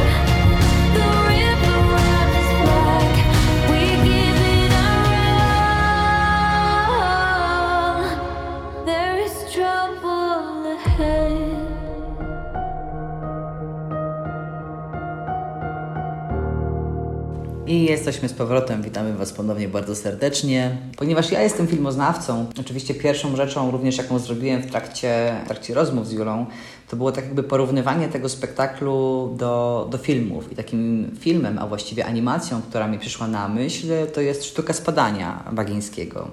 E, To jest animacja, która pokazuje taki ogólny, duży bezsens wojny, ponieważ mamy tam kilku bohaterów, tym właśnie generała, który posługuje się specyficznym językiem ble, ble, ble, ble, ble, ble, ble, bla. I to bynajmniej nie jest teraz kwestia tego, że ja nie umiem się wysłowić, tylko faktycznie takim bla, bla, bla się tam posługują. To tak jakby odnosi się do tego, że niezależnie od tego, co się tam mówi, jakie oznaczenie się przy tym daje, to tak czy inaczej ludzie będą ginęli za jakieś wartości, które często nie są właściwie ich. Myślę sobie, że ta animacja i ten spektakl mają ze sobą wiele wspólnego, chociażby na tym właśnie poziomie kreacji samego generała, że to nie jest wcale człowiek, któremu warto ufać, który wykorzystuje swoich ludzi, a cele wojny teoretycznie są wyższe, które mają jakieś wielkie idee, tak naprawdę są tylko i wyłącznie w rękach ludzi, którzy, którzy robią to dla własnej satysfakcji. Niestety. I myślę sobie, że gdzieś tam te interpretacje między wojną na trzecim piętrze a sztuką spadania są pokrewne, więc ja bardzo serdecznie polecam Wam nie tylko sztukę spadania bagijskiego, ale także całą jego twórczość, bo uważam, że jest fantastyczna. Jeżeli to nazwisko nie jest Wam obce, to prawdopodobnie dlatego, że również pracował przy produkcji Wiedźmina, a także zajmował się animacją do gry. Ale to tak na marginesie. Przejdźmy może teraz do żony Blachy, która jest jedyną żeńską postacią w czteroosobowym zespole aktorskim. Grają również kobieta, ale to jest bardzo w ogóle ciekawe, że mm, jako jedyna kobieta w tej sztuce, mówię tutaj o postaci, a nie o samej aktorce, jest bardzo uprzedmiotawiana i w jakiś sposób traktowana jako taki dodatek do mężczyzny. I myślę, że mm, to też jest do, taki, taki element, który zauważa się dopiero później, bo wszystko... Znaczy, nie wiem, ja na przykład jak usłyszałem, e, bo tam pojawia się bezpośrednio, to pozwolę sobie zacytować mm, taki fragment, kiedy właśnie generał zdaje się już mówi do, do Blachy e, Miller przyjedzie e, ciebie zabić, zabrać twój majątek i zgwałcić twoją żonę. I mówi to do Blachy, nie mówi tego do, do żony jego. Tylko tak jakby traktuje ją jako, jako element, który on posiada i że to jest tak jakby jakaś wartość, e, z której on się będzie musiał rozliczyć, nie biorąc w ogóle pod uwagę tego, że zagrożoną osobą jest w tym momencie kobieta, a nie blacha. Tak jest, rzeczywiście, to muszę przyznać Michałowi rację, ale ja na przykład na poziomie takiej relacji blacha, żona blachy tego nie zauważyłam. W sensie oni w swoim związku nie, nie ma czegoś takiego, że blacha nie traktuje swojej żony przedmiotowo. U nich w relacji no, no nie widać takich elementów, ale cała ta otoczka wojny pomija tą kobietę. Pomija jej ból, cierpienie, potrzeby, stratę, czy nawet strach. Ona ma być, żeby wspierać mężczyznę, który idzie w tym momencie na wojnę. To jest taki bardzo stereotypowy punkt widzenia, bo też przecież w, czy to w kinematografii, czy w ogóle w różnych kronikach y, widzi się zwykle właśnie kobiety jako takie wspierające. Sanitariuszki. Tak jest, Mhm. że, że to zawsze są jakieś takie poboczne niestety persony, czy też postacie. Mało z tego przecież w spektaklu jest taki moment, że, że panie Blacha proszę uspokoić swoją żonę, proszę uspokoić tę osobę, że ona nie ma prawa do, do swoich własnych uczuć. Nawet nie ma imienia, więc y, jak to wszystko tak bardzo podkreśla małość tej postaci, czy brak znaczenia, nie wiem nawet jak to określić. W sensie, jakby jej nie było, to w sumie dużej różnicy by to nie, nie, nie zrobiło, prawda? W sensie taki- z perspektywy, perspektywy męskich e, postaci, oprócz oczywiście blachy, tak? Że rzeczywiście stanowi ona jedyny taki dodatek, który tylko ma ulepszać żołnierza, ale nie przeszkadzać przede wszystkim. Nie przeszkadzać. Tam w pewnym momencie był taki moment, y, który mnie osobiście bardzo, bardzo uradował. W momencie, w którym ona się przełamuje, zaczyna krzyczeć, ale to już nie jest krzyk rozpaczy, tylko ona faktycznie całą swoją siłą dopinguje blachę i robi to lepiej niż jakikolwiek generał by to tam zrobił. Ona bierze granat, wpycha mu łapę i mówi idź, zabij go, bierz go! I po prostu to jest taki Ale tak moment, naprawdę że... właśnie dopiero po jej słowach on idzie i rzeczywiście wys- wysadza klatkę, gdzie był Miller. W sumie to jest takie, pomyślałam sobie, że to jest taki zwrot akcji, takie mrugnięcie okiem do, do odbiorcy przez Kochuta i cały zespół, który stworzył ten spektakl, że tak naprawdę ta kobieta jest najbardziej sprawcza, w sensie takim, że mm, dopiero jej słowa, jej ta werwa, właśnie ta ewolucja tej postaci do takiej, to nawet nie cheerleaderki, tylko właśnie takiego przywódcy, który... To jest wolność wiodąca lud na barykady. To jest to, co ja zobaczyłem wtedy na scenie, że z kobiety, która jest pomijana, która jest wykorzystywana, o tym zaraz również będzie, e, która nie ma własnego imienia, bierze po prostu całą tak jakby niekompetencję męską w swoje ręce i wysyła swojego faceta na wojnę. Chociaż śmiem podejrzewać, że gdyby ona tam poszła, to rozsadziłaby te kamienice i została przy okazji prezydentką. Jak taki Rambo. O, myślę sobie, że tam było dużo, dużo dobrego Rambo i to w jeszcze lepszej wersji, w wersji właśnie kobiecej. Kobiety mają siłę I, i to jest absolutnie niepodważalna żadna, to jest, to jest teza. To jest teza potwierdzona przez wszystkich naukowców, których, y, których znam. Nie można się ze mną kłócić, nie zmienicie mojego zdania, dziękuję. Natomiast takim y, jeszcze elementem, o którym obiecałem wspomnieć odnośnie wykorzystywania jest taki zabieg, który jest ładnie zrobiony aktorsko, ale osoby, które dają sobie sprawę z tego, co to jest, tracą uśmiech z twarzy. Mianowicie pojawia się tam w pewnym momencie mirroring. A mirroring to jest taka technika manipulacyjna, która ma nas przybliżyć do drugiej osoby poprzez podbieranie jej gestów, przybieranie podobnych pust w trakcie rozmowy, czyli normalnie mówiąc naśladowstwo. I w pewnym momencie właśnie tam, kiedy żona Blachy siedzi na łóżku, obok niej siada jeszcze nie generał, tylko zdaje się... Komisarz chyba. Komisarz y, jakiś Komisarz, który, zre, który zresztą jest takim trochę przyjacielem rodziny, bo Blacha jest y, prawnikiem. Tak. E, y, I on niejednokrotnie z tym komisarzem współpracuje, więc jest to taka osoba, która jest znana, bo reszta postaci jest y, im nieznana. Jeszcze listonosz jest, A, y, listonosz, tak. listonosz. No ale Y, powiedzmy, że to też jest osoba, tylko gdzie masz kontakt bardzo mały, a, a jednak Tym komisarzem z komisarzem współpracują. Tak? Dokładnie tak. więź. Ten komisarz właśnie obok na łóżku żony Blachy siada i zaczyna ją naśladować. Oczywiście ona jest y, kompletnie niechętna, a on się do niej dość długo przymila. Dopiero jego, jego pasma niepowodzeń, podrywu wyprowadza go generał, który się zjawia również w domu Blachy. Ten mu salutuje, po czym nasz agent służb specjalnych znika bezpowrotnie. Także ja myślę sobie, że mm, może bez kontekstu lat 70., nie odnosząc się do tego, w jakiej to było perspektywie pisane, tylko tak jakby odnosząc się już do tego, co widziałem na scenie, to myślę sobie, że gdzieś tam ta taka mm, przemiana tej bohaterki pokazuje również tą siłę kobiecą, a także, że mimo tego, że ten głos kobiecy był bardzo, bardzo długo stłumiany, jeszcze biorąc chociażby w perspektywie to, co działo się ostatnio w Polsce, to kobiety mają ogromną moc sprawczą. I umówmy się, ja tu się wypowiem może za, za, za siebie bezpośrednio, ale ja uważam, że dziewczyny mają moc. Ja jako, ja jako Julia Gawryszczak to potwierdzam. Ja jako Michał Mielnik również. I tego się trzymajmy. Widzimy się za chwilę i słyszymy się również.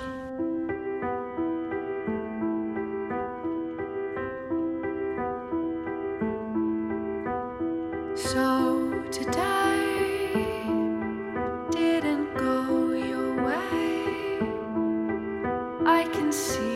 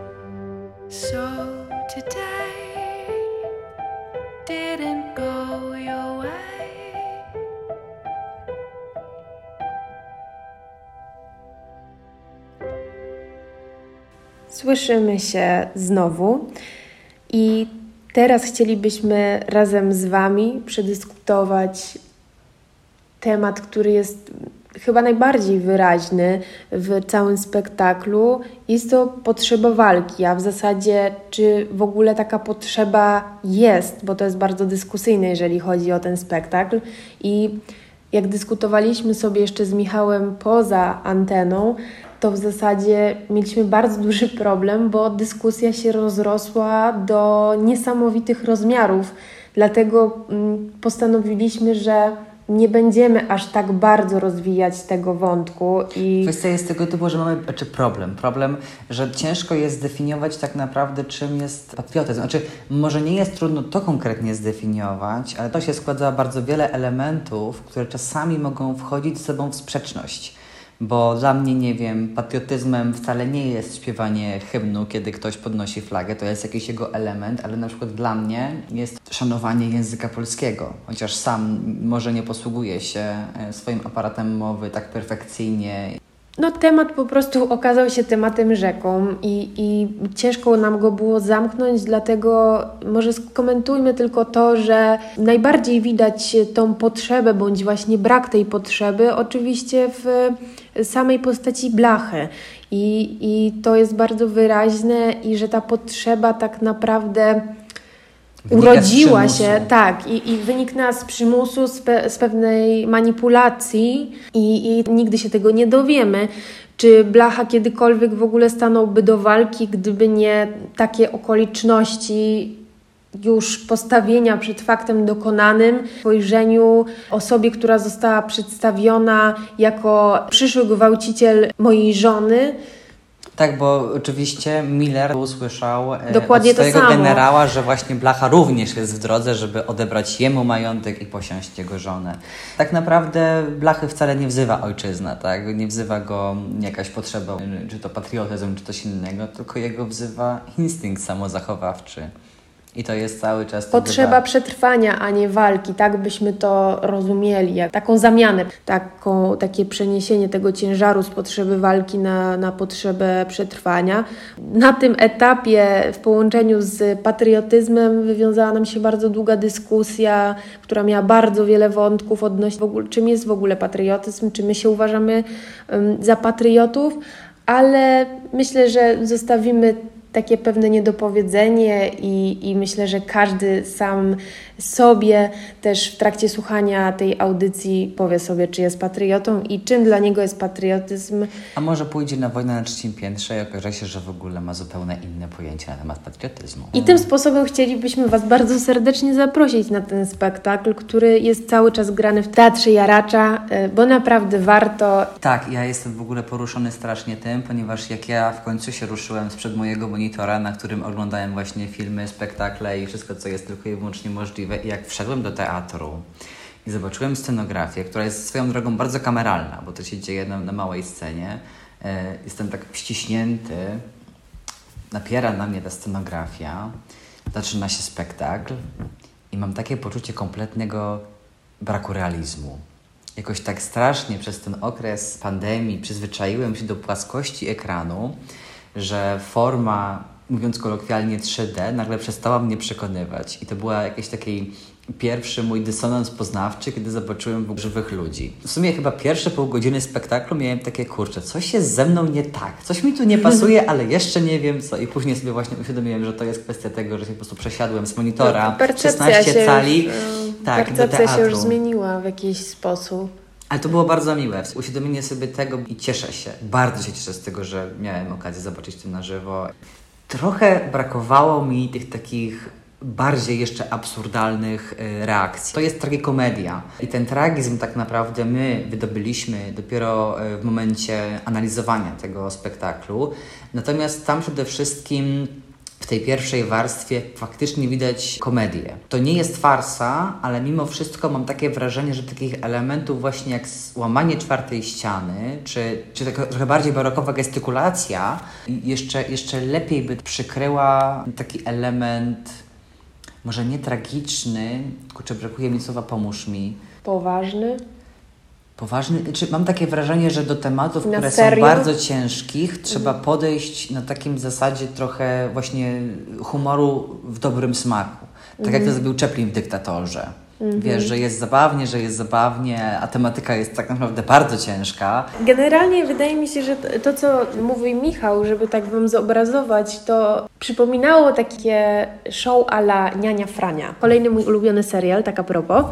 Mamy serial, który się dzieje z publicznością. Słyszymy nieraz jakiś śmiech. No oczywiście w spektaklu tego nie ma, ale to, że odwracają się do nas, właśnie zaburzają tą czwartą ścianę. No Michałowi może trochę tego zabrakło, ale rzeczywiście czuć tą taką czuć nawiązanie właśnie do, do takiego rodzaju realizacji seriali czy ogólnie show. I mieliśmy takie wspólne spostrzeżenie z Michałem, że przypomina nam ten spektakl kreskówkę. Kreskówka właśnie, teraz pojawia się w ogóle ten wątek reality show, że my tak naprawdę obserwujemy ich. Już ten chociażby sam fakt, że mm, nam powiedzmy jako tym przysłowiowym sąsiadom się wmawia, że dzieje się teraz film i jest w ogóle mowa o filmie, całym, samym, tym spektaklu. I mało z tego są tam takie elementy, które bardzo mocno nawiązują do estetyki filmu animowanego, jak chociażby fakt, że są obrotowe drzwi, łóżko na krzesłach i tak jakby cała oś dzieje się po Na łuku. kółkach, przepraszam. Yy, łóżko na kółkach. Łóżko na kółkach. Powiedziałaś krzesłach. Zasadą animacji jest y, właśnie, właśnie taka zasada mówiąca o tym, że wszystko dzieje się po łuku. Jak to się pojmie w animacji, to już można animować wszystko. Więc tam się przeplatają gatunki właśnie reality show. y, które są swoją drogą pierwszym takim e, spostrzeganiu niepoważne. Właśnie od razu nam się kojarzy coś bardzo zabawnego, nie poruszającego poważniejszej tematyki, tej ciężkości, o której Ty mówisz. No bardzo ciekawy to jest zabieg taki estetyczny, jak, jak ktoś się nad tym jeszcze bardziej tak wgryzie w to, co tam zostało zrobione na innym poziomie niż tylko aktorskim, to naprawdę można dużo z tego wyciągnąć. No, tam jest też taki moment, nie biegają dookoła łóżka, co ró- również, gdyby tam na przykład dorysować Toma i to spokojnie można Tak, to w taki tak, sposób tak, tak, interpretować. tak. Ale też na przykład są elementy właśnie slapsticku czy, czy, czy kina atrakcji, że są te elementy y, tak jakby wystawne, nie wchodzące jeszcze w barok i ten spektakl właśnie operuje takimi elementami. Całość jest bardzo dobrze zrównoważona, że pojawiają się elementy, które nas kompletnie nie przytłaczają. z tej formy też wynika ta lekkość tego spektaklu, że dla nas to było bardzo, e, bardzo przyjemne, nieprzytłaczające na pierwszy, na, Na przy pierwszy, pierwszym tak. odbiorze, tak? Nie żegnamy się jeszcze z Wami, ale nadszedł czas na wisienkę na torcie dzisiejszej audycji i po utworze będzie wspomniana niespodzianka, gość naszej dzisiejszej audycji, ale nie zdradzimy, kim jest ten gość. Chcemy, żebyście zostali z nami.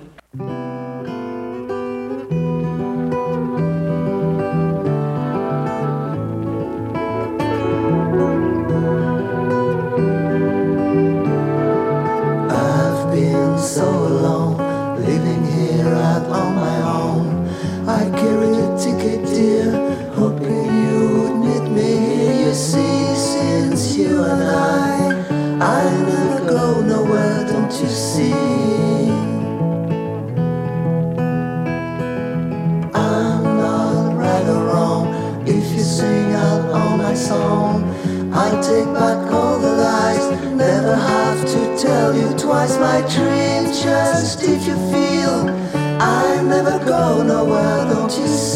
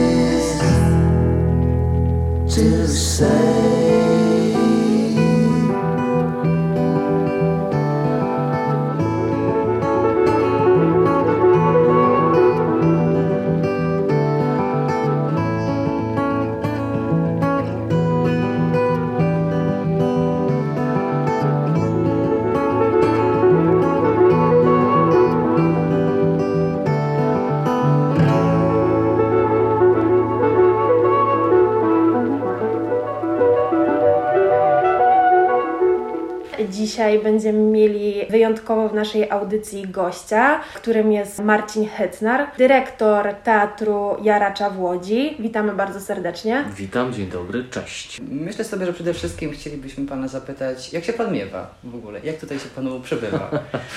Dziękuję za to pytanie. Przebywa mi się dobrze, czuję się bezpiecznie. Szczęśliwie jestem po dwóch dawkach szczepionki, więc e, podobnie jak większość chyba już teraz pracowników teatru, cieszymy się tylko i wyłącznie z tego, że widzowie do nas wracają i że możemy im pokazać te rzeczy, nad którymi pracowaliśmy przez ostatnie miesiące, będąc w częściowym zamknięciu.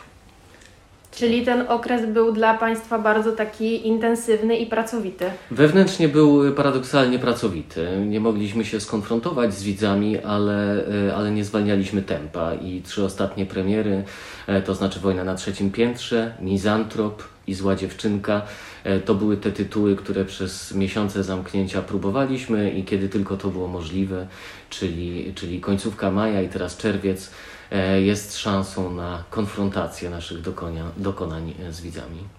A czy w międzyczasie, pomiędzy próbami, takimi przygotowaniami do otwarcia teatrów, miał Pan czas na obejrzenie teatr w wydaniu takim pandemicznym, można powiedzieć, czyli tym VOD? Jeżeli chodzi o VOD, to owszem, przedsięwzięliśmy pewne kroki, żeby z widzami podzielić się niektórymi naszymi spektaklami. Dokonywaliśmy rejestracji dodatkowych tytułów na tę okoliczność, ale z taką świadomością, że no, oglądanie teatrów w internecie to jest erzat, to jest coś zamiast i, i szczerze mówiąc, ja osobiście po kilkudziesięciu takich seansach y, odpadam, to znaczy już tęsknię po prostu za teatrem na żywo i, i zdaję sobie sprawę, że nie można w nieskończoność udawać, że to jest to samo, więc też bardzo się cieszymy z tego, że wreszcie taki kontakt y, na żywo mm, jest możliwy. Na razie w związku z tym zawieszamy naszą działalność VOD, ale pewnie wrócimy do niej po wakacjach. Właśnie chciałem Cię o to zapytać, tak? Czy taka hybrydyczność y, w stosunku chociażby do teatru Jaracza byłaby w porządku? Czy to kontynuacja, nawet jeżeli pandemia się skończy, jest ok? I, jakie z tego mogą być y, profity na przyszłość? Wie pan, to jest dość skomplikowana kwestia, ponieważ nie ukrywam, że, że zainteresowanie naszymi propozycjami e, online e, no, nie było satysfakcjonujące. To znaczy, że faktycznie o ile e, korzystając z tych okienek covidowych publiczność do nas wracała chętnie, i w przerwach między lockdownami w marcu e, na przykład mieliśmy mm, komplety na tej wprawdzie 50%, ale jednak widowni. O tyle ta działalność internetowa no, nie cieszyła się taką popularnością. Myślę, że tu mm, nie bez powodu, ponieważ no, tych propozycji było bardzo dużo i, i wiele teatrów produkowało tego typu przedsięwzięcia, również umożliwiając bezpłatny dostęp do nich, e, co w naszym wypadku no, nie wchodziło w grę z różnych powodów. E, Więc myślę, że y, nastąpiło pewne przescenie rynku takimi propozycjami i, i w pewnym momencie, jeśli potencjalni widzowie mieli e, możliwość obejrzenia kolejnej rejestracji spektaklu teatralnego lub e, wybrać coś z Netflixa czy HBO, to, to niejednokrotnie przegrywaliśmy w tej konkurencji. Czyli ten teatr VOD wydaje się Panu, że powiedzmy umrze śmiercią naturalną, taką jak sama pandemia, czy Myślę, że on zostanie, ale chyba przynajmniej ja traktowałbym e, go jako pewne mm, dopełnienie, no nie, nie e, ofertę jako taką, choć podjęliśmy pewne starania, aby e, wyprodukować rzecz e, przeznaczoną stricte do transmisji online. Realizujemy serial internetowy, debiut e, w reżyserii pani Anety Groszyńskiej. Scenariusz napisał pan Jan Czapliński. To jest taki ośmioodcinkowy serial w stylu dokumentalnym dotyczący mm, historii młodej absolwentki Wydziału Reżyserii, która puka do gabinetów różnych dyrektorów teatru w Polsce i usiłuje zrealizować swój debiutancki spektakl. Z bardzo różnych powodów jej się to nie udaje. Niewiele zdradzę, bo e, to jest e, zamysł i oś właściwie całego serialu i e, aktualnie kończymy zdjęcia do niego, więc myślę, że po wakacjach w przestrzeni wirtualnej ten serial będzie przez nas pokazany i, i to będzie jakaś oferta już celowana do tej, tego medium, jakim jest internet. Natomiast długofalowo no, jednak stawiamy na, na produkcje stacjonarne, licząc, że na jesieni no, nic e, nas nie spotka złego. oby. Oby. E, A ten serial, gdzie go będzie można obejrzeć? Na stronie teatru? Prawdopodobnie na naszej stronie VOD go wypuścimy. Jak powiedziałem, 8 odcinków, e, krótkich, 15-minutowych około. No jest to taka, powiedziałbym, groteska z lekkim zabarwieniem komediowym. Rzecz, która mm, wcale nie o takich śmiesznych rzeczach opowiada. W serialu weźmie udział prawie cały zespół naszego teatru, więc myślę, że to e, będzie e, gratka dla widzów, którzy będą mogli e, obejrzeć się wszystkich naraz. Aktorzy mają dużo frajdy z tej produkcji. Mam nadzieję, że udzieli się ona i widzom. A będzie to serial bardziej poświęcony sztuce filmowej? Yy, czy mimo wszystko zachowujemy tam taką teatralność, która będzie się przejawiała? Jeżeli chodzi o język opowiadania, to to będzie zbliżone do produkcji filmowych, serialowych. Natomiast jeżeli chodzi o temat, no to zawartość teatru w tym, w tym serialu jest dość duża. Troszkę zapraszamy e, widzów za kulisy teatru, do gabinetów, e, nie tylko dyrektorskich, ale też e, innych, które na co dzień nie są dostępne, więc troszkę z takiej magii teatru może e, uda nam się coś odsłonić e, widzom, którzy na co dzień nie mają styczności z e, tym zakulisowym życiem instytucji. Czyli magia teatru w języku filmu, mówiąc krótko. Czyli jednak ten czas pandemiczny tego teatru VOD, który tak bardzo różni się od teatru tradycyjnego, dał nam szansę na zrodzenie nowego pomysłu, bo chyba gdyby nie to, to możliwe, że taki serial by nie powstał. Tak, zapewne, tak należy to traktować, że, że okoliczności sprawiły, że poszukiwaliśmy e, nowego medium, nowego mm, e, produktu, który moglibyśmy e, za pośrednictwem internetu naszym Ale pan też ma doświadczenie z kamerą, nie tylko z samym teatrem. Mówię tutaj przede wszystkim o teatrze telewizji. I czy właśnie takie doświadczenie takiej hybrydyczności tego teatru pozwoliło panu, pozwoliło panu na jakieś większe rozumieniu tych potrzeb teatru w trakcie pandemii? Nie sądzę, by moje e, osobiste e, doświadczenia e, miały wpływ na decyzje, jakie podejmowaliśmy w, w kwestii obecności teatru w internecie.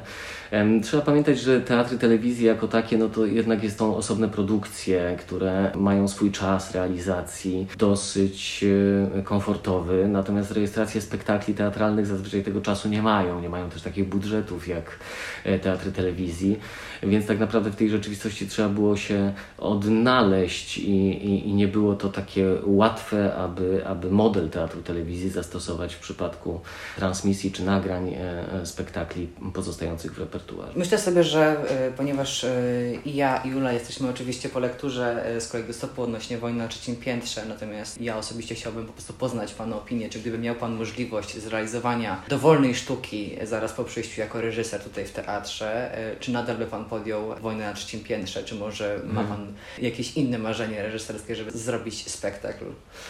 Tu kilka marzeń reżyserskich mam i pewnie one by wyprzedziły ewentualnie wojnę na trzecim piętrze Pawła Kochołta, gdyby nie fakt, że aktorzy Teatru Jaracza w ramach sceny inicjatyw aktorskich e, postanowili e, podejść do tego właśnie tytułu i na pewnym etapie pracy okazało się, że obecność reżysera z drugiej strony rampy jest niezbędną. A jakie to nie- były etapy? tak naprawdę aktorzy od dwóch lat bodaj e, próbowali tę sztukę z przerwami. Kilka razy e, była wyznaczana data premiery. No, z tych czy innych powodów, zazwyczaj pandemicznych, ona nie dochodziła do skutku.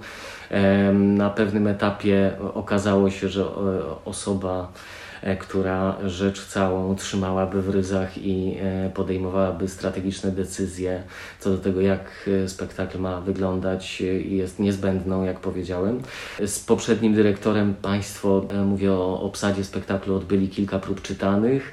E, Powstały projekty scenografii, które jednak z czasem skorygowaliśmy i rzecz się odbywa w innej przestrzeni niż pierwotnie mm, zamierzano. No i w momencie, kiedy pojawiłem się w Łodzi e, w pewien naturalny sposób, e, okazało się, że to ja e, wezmę na siebie, choć może to nie są dobre słowa, bo ta praca e, była dużą przyjemnością i, i myślę, że takie spotkanie nowego dyrektora z przynajmniej częścią zespołu jest bardzo e, cennym zawsze. Pamiętam w poprzednim miejscu pracy też inaugurowałem właściwie dyrekcję swoim przedstawieniem i i to dobra okazja, żeby poznać e, teatr z drugiej strony, poznać część e, przynajmniej zespołu aktorskiego, który w Jaraczu jest bardzo liczny.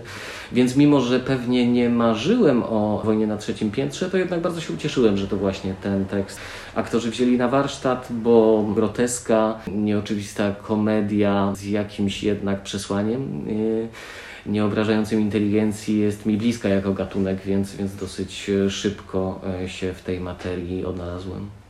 E, Powiedział Pan bardzo ładnie, że, że nie jest to wy, wymarzony, ale to słowo marzenie mnie jakoś tak urzekło. Jakie są Pana wymarzone spektakle do zrobienia? Oj, wie pan, e, e, proszę się nie gniewać, że nie odpowiem, ale e, nauczony doświadczeniem wolę nie, e, nie zapeszać przede wszystkim, albo, albo nie zwierzać się, bo zaraz ktoś mnie ubiegnie z jakimś No pomysłem. tak, o i- marzeniach się nie mówi, jak się dmucha świeczkę, to zostawia się to dla siebie. No więc, więc powiedzmy, że tak, że myślę o nich, ale kiedy je zrealizuję, to na pewno się Państwo o tym dowiecie. Okej, to ja się obejdę ze smakiem, będę po prostu pilnie sprawdzał Zachęcam. repertuar. Ale skoro jesteśmy przy marzeniach, to może odwróćmy trochę stronę i powiedzmy o życzeniach od Pana do teatru dzisiejszego.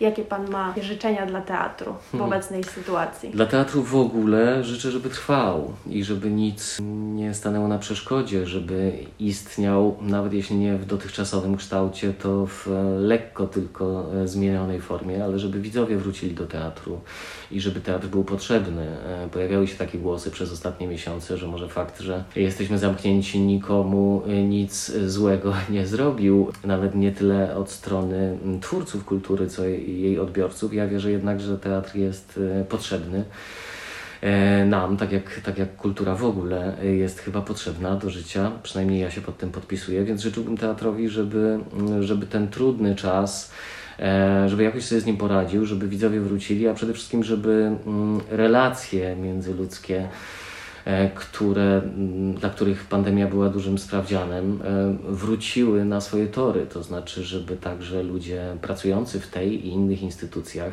e, chcieli do siebie wrócić, chcieli ze sobą być, chcieli ze sobą pracować. To po takim czasie jest niezwykle trudne, mimo że wszyscy e, są wygłodniali e, pracy i, i chętni do powrotu, ale wiadomo, że odbudowanie takiej gotowości, chęci, e, naturalności w kontaktach i, i w pracy wymaga czasu, więc e, życzę, żebyśmy w miarę możliwości mogli wrócić do tego, co było przed. Myślę, że jesteśmy potwierdzeniem tego, że rzeczywiście ta druga strona, czyli odbiorcy, miłośnicy teatru nadal są i wierni w tej miłości czekają na, na teatr cały czas. Dziękuję za to, ja mocno w to wierzę, że tak właśnie będzie. Bardzo dziękujemy. Absolutnie. W pokoju najlepszego dla teatru i widzimy się w teatrze. Dziękuję, zapraszam, do zobaczenia. I choć w innej jakości, to żegnamy się z Wami. Dla Państwa mówiła Julka. I Michał, bardzo, bardzo Wam dziękujemy. Słuchajcie, cudownego Pride Month, trzymajcie się ciepło, wszystkiego dobrego i widzimy się w teatrze. Mówił dla Was Michał, Jula, a przed chwilą słyszeliście Marcina Hycnara.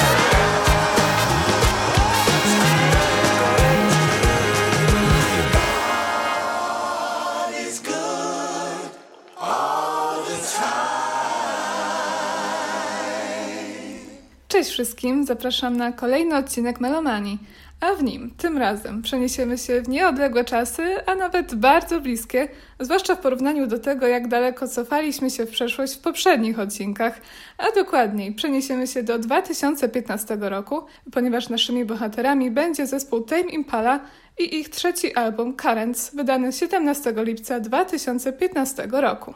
Tame Impala, mimo że są młodym zespołem, to można powiedzieć, że już mają status legend, przynajmniej w alternatywnych kręgach, które dumnie reprezentują.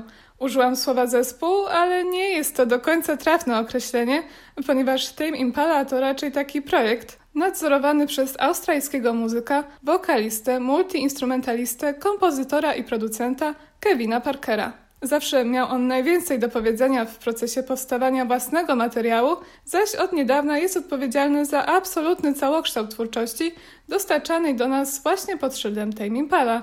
I mówiąc całokształt, rzeczywiście mam na myśli wszystkie etapy, przez jakie przechodzi muzyka w drodze do odbiorców, czyli pisanie utworów, następnie ich nagrywanie z wykorzystaniem różnych instrumentów, miksowanie i produkcja, czyli wykończenia. Jednym słowem, prawdziwy człowiek orkiestra. W rezultacie muzyka Tame Impala jest wynikiem tego, że jedna osoba buduje niesamowitą symfonię dźwięków. Nakłada własny głos kilkukrotnie na siebie, łączy w jedną całość partię poszczególnych instrumentów itd. Tak po nagraniu i opublikowaniu danej piosenki jej życie wcale się nie kończy za sprawą świetnych muzyków, którzy towarzyszą Parkerowi na scenie, często improwizując nowe wersje dobrze znanych kompozycji. Tame Impala są pod silnym oddziaływaniem psychodeli i rocka z przełomu lat 60. i 70. oraz młodszych psychodelicznych zespołów, jak choćby The Flaming Lips. Można również usłyszeć nawiązania do nurtów shoegaze, lo-fi, post-punk i popu progresywnego, a co za tym idzie, formacji takich jak My Bloody Valentine czy Supertramp. Kolejnym ważnym wpływem jest elektronika i zaczerpnięta z niej mechaniczność i hipnotyczność. Parker lubi dezorientować swoich słuchaczy co do pochodzenia dźwięków. O większości z nich trudno powiedzieć, czy zostały nagrane organicznie przez gitarę czy perkusję, czy też są to tylko sample wybrzmiewające z syntezatora. Natomiast śpiewając, stara się naśladować beztroski styl Beatlesów, Lennona i McCartneya. Artysta przyznaje się też do silnej inspiracji disco, m.in. Bee Gees, a także popem z lat 90. w wydaniu Britney Spears i Kylie Minogue. Zanim przejdę do analizy albumu Currents, najpierw tradycyjnie kilka słów o historii Tame Impala, a historia Tame Impala to przede wszystkim historia Kevina Parkera. Kevin Richard Parker urodził się 20 stycznia 1986 roku w Sydney, jednak większość dzieciństwa spędził w Cottesloe na przedmieściach Perth. Już od najmłodszych lat dorastał w świecie muzyki dzięki ojcu, który często grał na gitarze dla przyjemności i szybko nauczył syna. Należał również do amatorskiego zespołu, z którym grał covery Beatlesów, The Beach Boys, Supertramp i Hanka Merwina. Kevin był stałym bywalcem drobnych koncertów ojca i jego kolegów. Jako dwunastolatek angażował się w przeróżne artystyczne zajęcia, między innymi sporo rysował, ponadto grał już na gitarze, basie, perkusji i klawiszach. Wtedy też zaczął nagrywać pierwsze autorskie utwory, samodzielnie wykonując partie instrumentalne, które potem łączył w jedno i rejestrował na kasecie. Rok później w szkole muzycznej Kevin poznał Dominika Simpera, przyszłego członka ekipy koncertowej Tame Impala. Chłopcy odkrywali razem scenę psychodeliczną, zasłuchując się w zespołach takich jak Cream, Jefferson Airplane czy Brain Ticket. Jednocześnie razem z kolegą Danem DeBiffem, obecnie prezenterem radia Today FM, spotykali się, by razem pograć, a w ich repertuarze znajdowały się głównie przeróbki kawałków nieco cięższych gatunkowo, autorstwa np. Rage Against the Machine, Unwritten Law, Sank Loto i Korn. W 2005 roku Parker i Simper razem z przyjacielem Luke'em Epsteinem założyli grupę The Diddy Dams. Trio zdobyło umiarkowany rozgłos na poziomie lokalnym, biorąc udział w festiwalach i konkursach. Zyskało też skromną grupę fanów. W swoim dorobku zaś miało utwory, które Parker publikował w serwisie MySpace i kilka lat później część z nich znajdzie się na debiutanckiej płycie Tame Impala.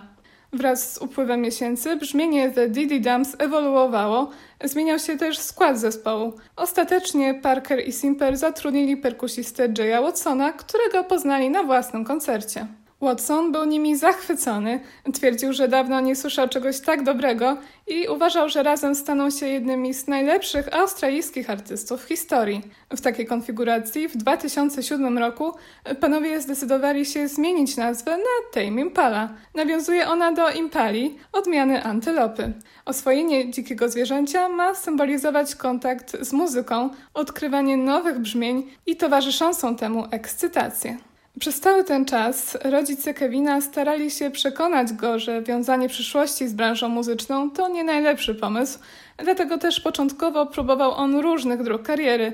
Pracował w kancelarii prawnej, przez pewien czas studiował inżynierię, a potem astronomię, która choć szybko zostanie przez niego porzucona, zainspiruje oprawę wizualną materiału Tame Impala. W 2008 roku, jadąc na jeden z końcowych egzaminów z astronomii, Parker otrzymał telefon z wytwórni Modular Recordings z propozycją podpisania kontraktu. Jak można się domyśleć, nigdy już na egzamin nie dotarł.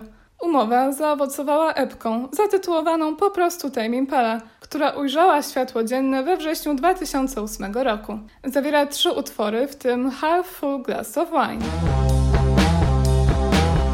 Gave up waiting at 17 past midnight.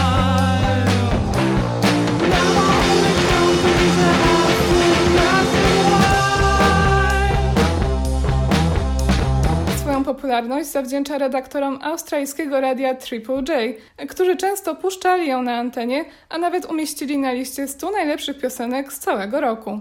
Half Full Glass of Wine doskonale reprezentuje charakterystykę wczesnej twórczości Tame Impala, znacznie bardziej gitarową od tego, co znamy z późniejszych lat. Element wiodący, który pozostanie na długo, to psychodelia. Jest ona również widoczna w teledysku, zrobionym przez nowozelandzkie studio Special Problems, który składa się z sekwencji ukazujących muzyków, wyedytowanych w kolorowe, optyczne animacje. W kolejnych miesiącach Tame Impala sporo koncertowali, m.in. jako Support Muse, Kasabian, The Black Keys i MGMT. Wystąpili też na kilku festiwalach Southbound, Rotofest, Falls Festival czy V-Festival. Następnie wrócili do studia, choć nie do tego samego co poprzednio, lecz do Turak Studios w Londynie, gdzie przystąpili do pracy nad pełnym albumem. Najwcześniejszym efektem tych działań był niealbumowy kawałek Sundown Syndrome, pierwszy oficjalny singiel zespołu notowany na krajowych listach przebojów. Trafił na ścieżkę dźwiękową nominowanego do Oscara amerykańskiego komediodramatu Wszystko w porządku z 2010 roku.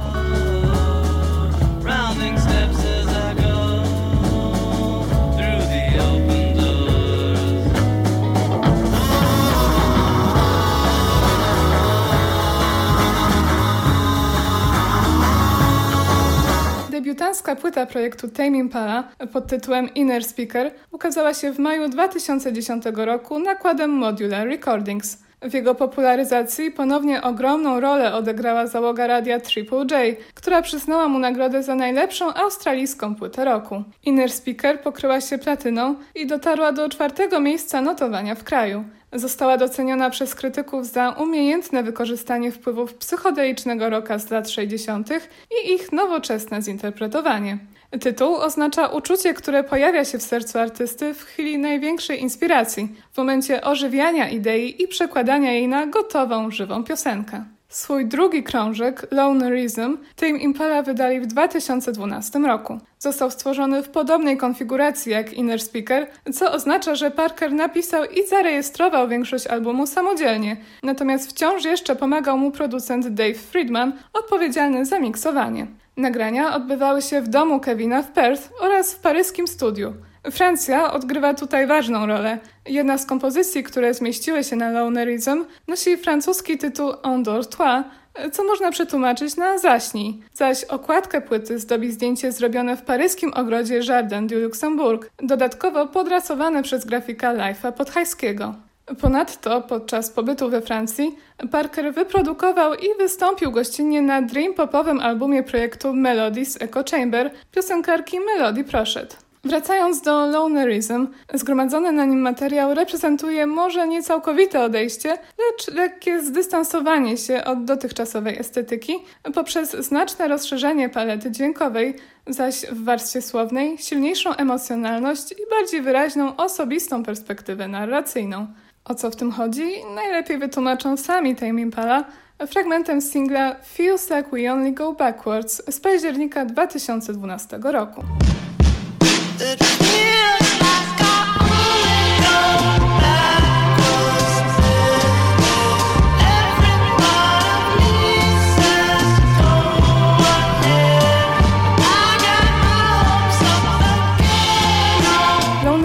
Zapewnił Tame Impala kolejną J Award w kategorii Australijski Album Roku, dzięki czemu stali się pierwszymi artystami z dwiema takimi statuetkami na koncie.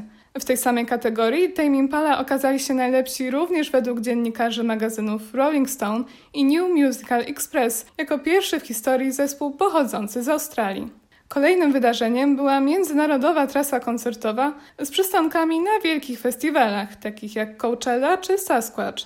W tym czasie szeregi ekipy koncertowej Tame Impala zasilił perkusista Julian Barbagallo po tym jak bębniarz Jay Watson przerzucił się na klawisze.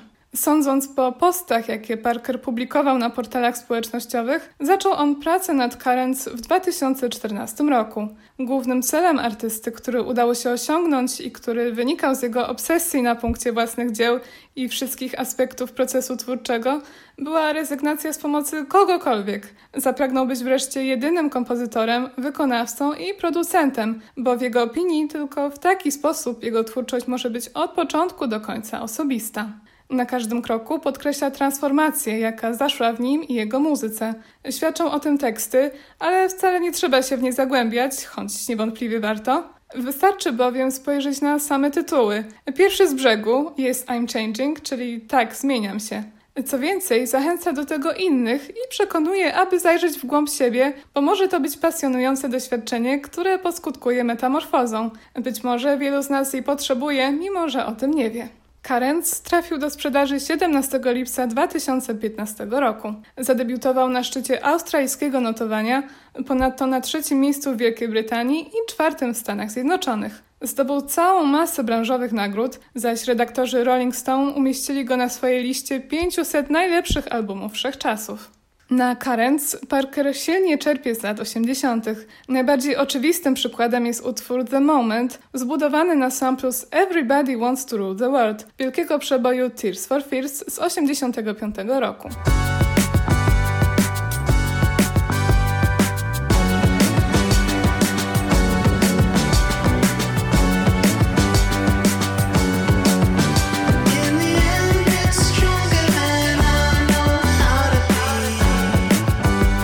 Każdy fan legendarnego duetu i w ogóle muzyki lat 80. bez trudu rozpozna charakterystyczną melodię syntezatora, nawet pomimo tego, że Tame Impala nieco ją przyspieszyli i zwielokrotnili. Nawiązanie do Tears for Fears pojawia się jeszcze raz, tym razem w mniej wyraźny sposób. Piosenka Past Life zawiera elementy ikonicznej melodii, na której oryginalnie opiera się inny przebój Head Over Heels, pochodzący z tej samej płyty Brytyjczyków Songs from the Big Chair z 85 roku. Warto wspomnieć także o inspiracji Prince'em, która to zaowocowała utrzymaniem całego albumu w mocno amerykańskim klimacie R&B oraz aranżacjami w stylu Michaela Jacksona, dzięki którym jest bardziej tanecznie. Brzmienie Currents jest też bardzo płynne, co sam Parker tłumaczy częstym słuchaniem Fleetwood Mac. To od tej słynnej kapeli pożyczył niezwykłą lekkość i czystość kompozycji, zaś zalążki klimatu disco płyta zawdzięcza wspomnianym na początku Bee Gees. Otwartość na przeróżne źródła inspiracji zaszczepił w Parkerze producent muzyczny Mark Ronson, z którym w tym samym roku nagrał kilka utworów. Jako pierwszy Karen promował singiel Let It Happen z marca 2015 roku.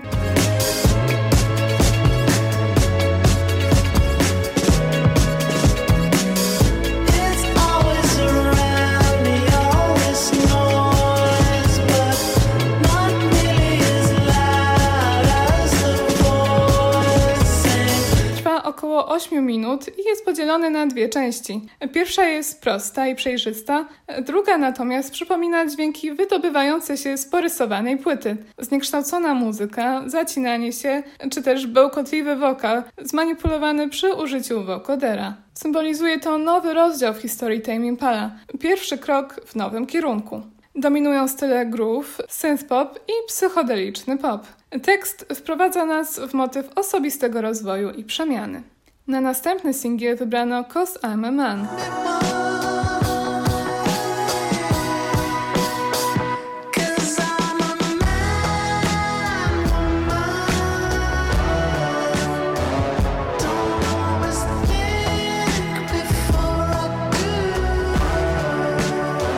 Dowodzi temu, że Karen stanowi prawdziwe bogactwo gatunków. Tym razem pojawiają się elementy soulu i soul popu. Aranżację, choć mocno elektroniczną, należy uznać za minimalistyczną. Tutaj cisza i przestrzeń mają duże znaczenie.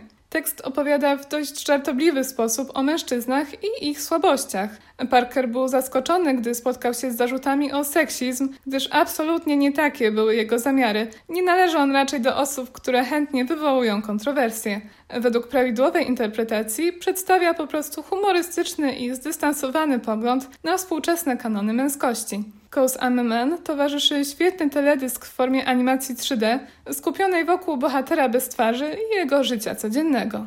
Trzeci singiel nosi tytuł Eventually. Porusza temat rozstania z perspektywy osoby, która chce uwolnić się z toksycznego związku. Boi się jednak zrobić cokolwiek w tej sprawie, aby nie zranić drugiej strony. The Less I Know The Better to ostatni i zarazem najsłynniejszy singiel pochodzący z Karens. Dobrze radził sobie na listach przebojów, a najlepiej w Belgii, gdzie zajął ósmą lokatę, zaś w Australii pokrył się pięciokrotną platyną. Radio Triple J przyznało mu czwarte miejsce w notowaniu całorocznym.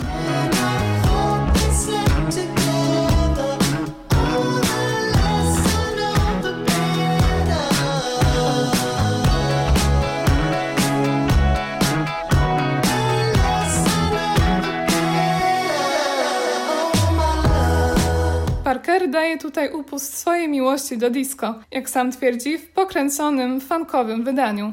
W teledysku, stworzonym techniką ręcznie odrysowywanych klatek animacji, obserwujemy koszykarza nieszczęśliwie zakochanego w cheerleaderce. Został zrealizowany przez słynny hiszpański kolektyw kreatywny Kanada. Ciekawy cover nagrali panowie z indie popowego zespołu Blossoms z gościnnym udziałem wokalisty Milesa Kane'a. Gorąco polecam do odsłuchania.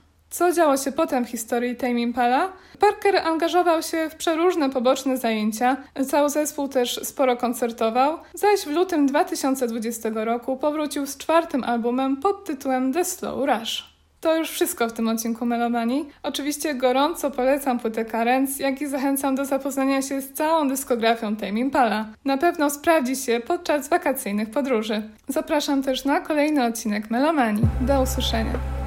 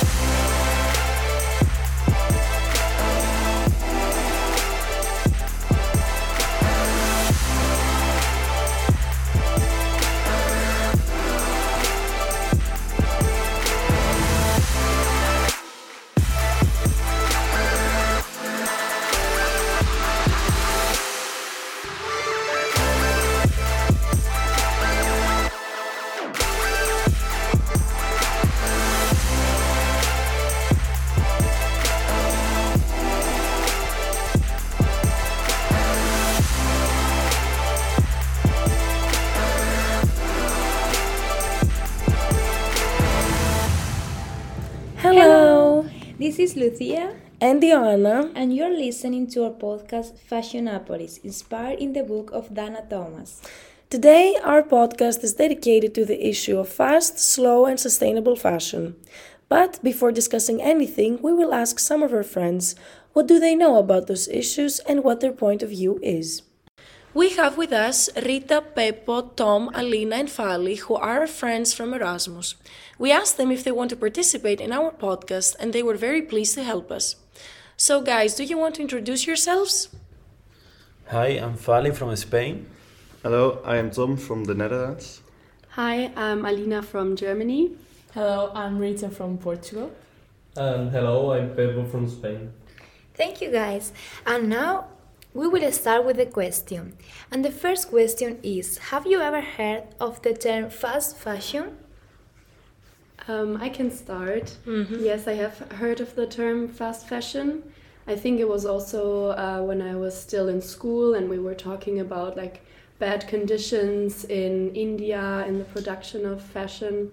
And I think that's the first time I've heard of uh, fast fashion. Mm-hmm. And I heard about uh, like big companies um, that were kind of using um, woman labor force and uh, kids labor force to mm, manufacture those kind of clothes uh, that were cheap because they pay them like a mm, really few money for Mm. the produce of those kind of clothes and that's why they are mm, cheap to the people who buy them in the stores. Okay.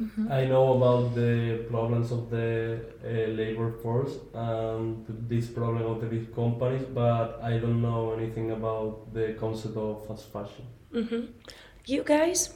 It's the same for me. I, I know about the problems, but the term fast fashion, I've never heard of it. So without the explanation of the others, I wouldn't know what it is exactly. Okay. Yeah, for me it's the same like Tom and Pepper. All right. So, do you guys know any brands? Fast fashion brands? Yeah, I know like uh, Zara, mm, Mhm. Bershka, uh, Mhm. Pull and Beer, those kind of Mhm. clothes that we see every day in the shopping malls. Mm-hmm.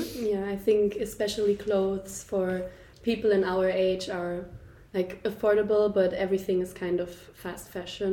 Mm-hmm. All right. Okay. And usually from what store do you shop?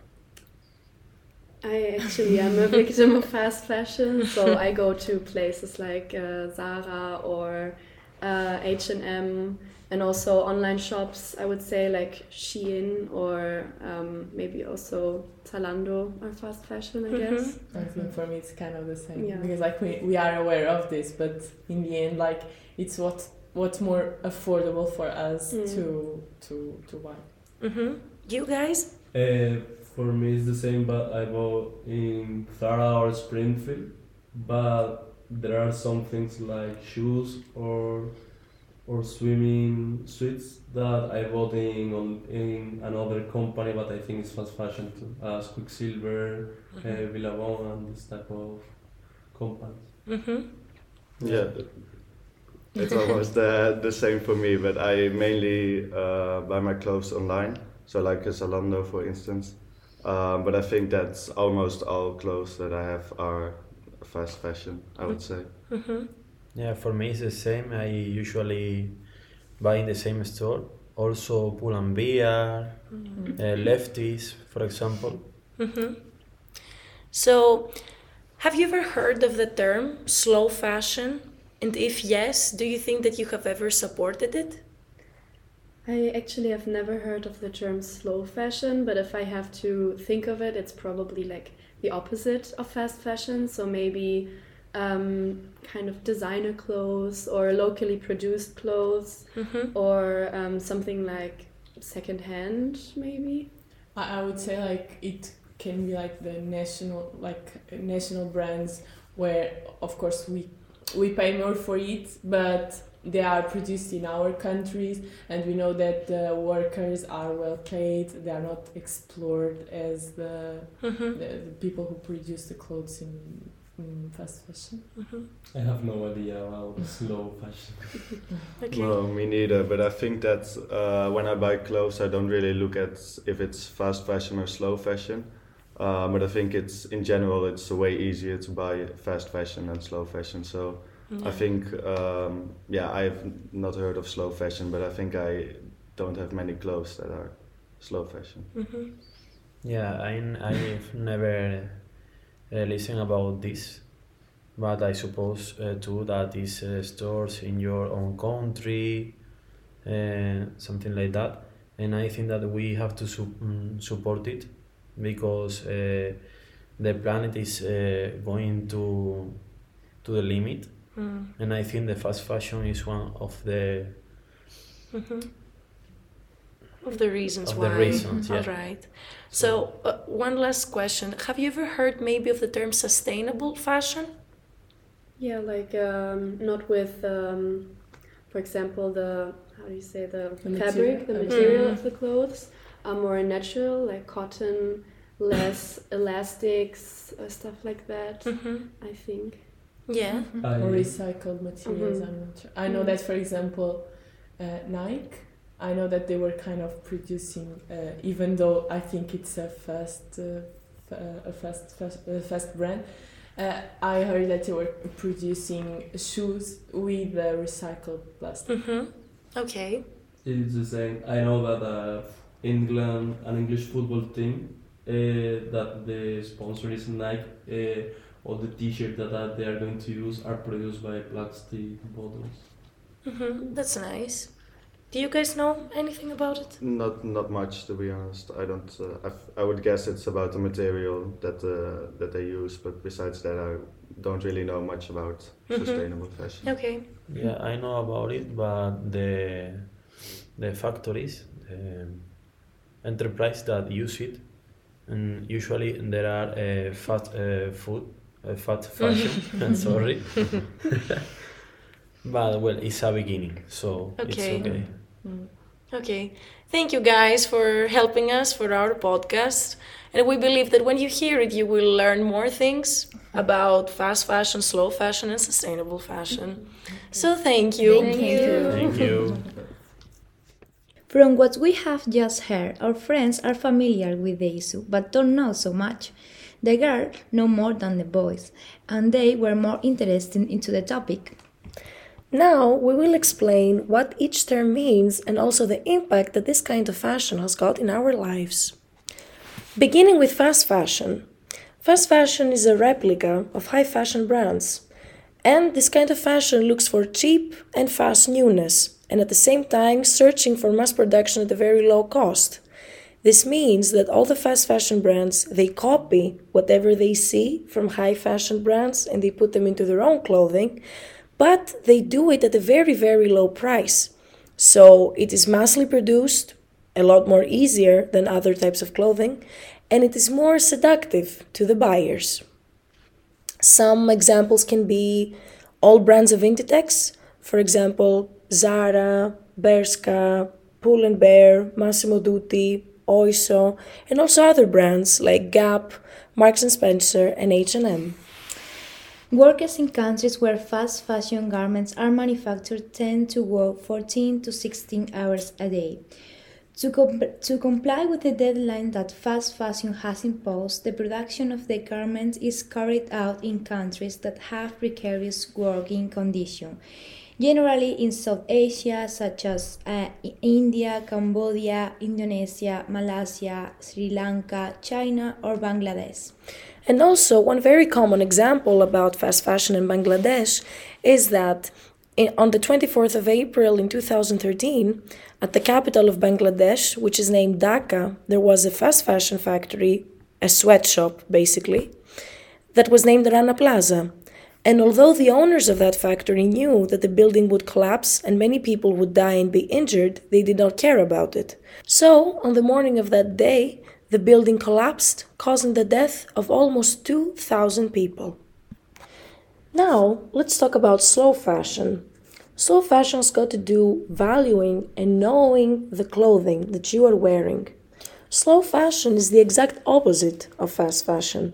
The movement of slow fashion raises awareness and educates consumers about the impact of clothing on the environment, the depletion of resources, and the impact of the textile industry on society. The materials promoted by this philosophy are noble products that do not pollute the environment. The change that slow fashion proposed not only involves designers and brands who seek to generate changes toward a greener future, but also changes those who buy these garments. Conceiving fashion from a conscious, ethical, and respectful approach to the environment, workers, and consumers, knowing its importance and significance as a production model is essential for the future of a sustainable fashion. What sustainable fashion means is that what we wear is created with respect towards the environment, and no people were exploited for creating it, and no resource, no natural resource has been taken advantage of. And this is why sustainable fashion includes green fashion, eco fashion, and general clothing that is produced with respect towards the environment. And many methods are used for it. For example, recycled materials, recycled textiles, upcycled materials, or upcycled textiles, which means that You use different kind of textiles that you already have to create something new, which does not have to be recycled, but it's materials that you will not throw away. However, a very common problem that is introduced into the field of fashion is greenwashing. Well, one of our friends said that they know that Nike, for example, uses recycled materials to create sporting clothes. Well, this is not true. This is what is called in the academia as greenwashing. Big fashion brands make you believe that the clothes they create are made with only recycled materials and with respect towards the environment, whereas that is not true. They do it because they know that the movement of slow fashion is starting to get really big, so they want to stop people from consuming there and continue on, shop- on shopping from fast fashion brands. So now that we are coming to the end of this podcast, we have five tips for you. What you can do in order to follow the slow fashion movement. Tip number one vintage shopping and thrift shopping. There are a lot of vintage and thrift shop around your area, so you can search online for them. And also, those stores are lots more cheaper than the fast fashion one. You can find a t shirt for even 5 zloty. Tip number two you can swap or borrow clothes from your friends. Tip number three you can support slow fashion and sustainable brands like Everlane, which is an international brand, or maybe you can try Greek brands, for example, PCP for trendy scrunchies and swimming suits, and also Armiriki for organic t shirts with ancient Greek sayings. Tip number four you can do upcycling. If you have a garment that you, you want to throw it away, don't do it. You can change it, sew it again, and use it for another purpose. For example, did you know that you can use an old t shirt to make a beeswax wrap? Tip number five minimize the amount of shopping that you do from fa- fast fashion brands. Obviously, we cannot stop shopping completely from those brands as they are very affordable to us, but we can always try and shop less. And one last tip we want to share with you is that for the purpose of this podcast, we were inspired by the book of Dana Thomas called Fashionopolis. This book speaks about the negative impact of fast fashion in our lives and also the planet and the environment. So, if you want to learn more about this topic, you should definitely read it. And this is the end of our podcast. Thank you for listening to us.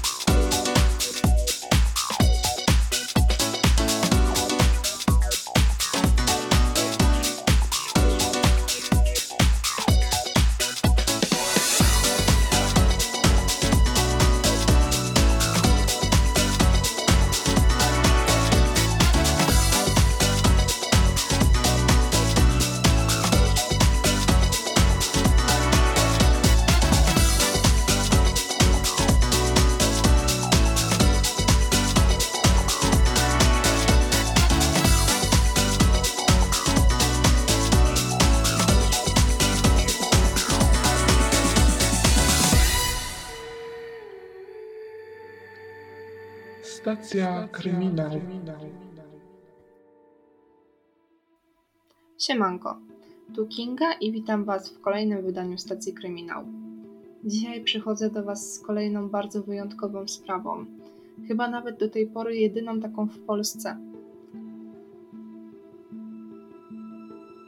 Wszystko działo się stosunkowo blisko Łodzi i była to sprawa, o której słyszeli nawet moi rodzice, więc wydaje mi się w jakiś sposób szczególnie ważna do opowiedzenia. Bo po prostu o niej słyszałam i myślałam, że opowiem o niej szybko, że przedstawię to tak, jak zawsze słyszałam, bo przecież to zwykła sprawa. Ale zagłębiając się w temat, okazało się, że kryje się w niej mnóstwo tajemnic, mnóstwo poszlak i mnóstwo niespodziewanych zwrotów. Nie przedłużając, pozwólcie, że opowiem Wam historię rodziny Bogdańskich ze Starowej Góry.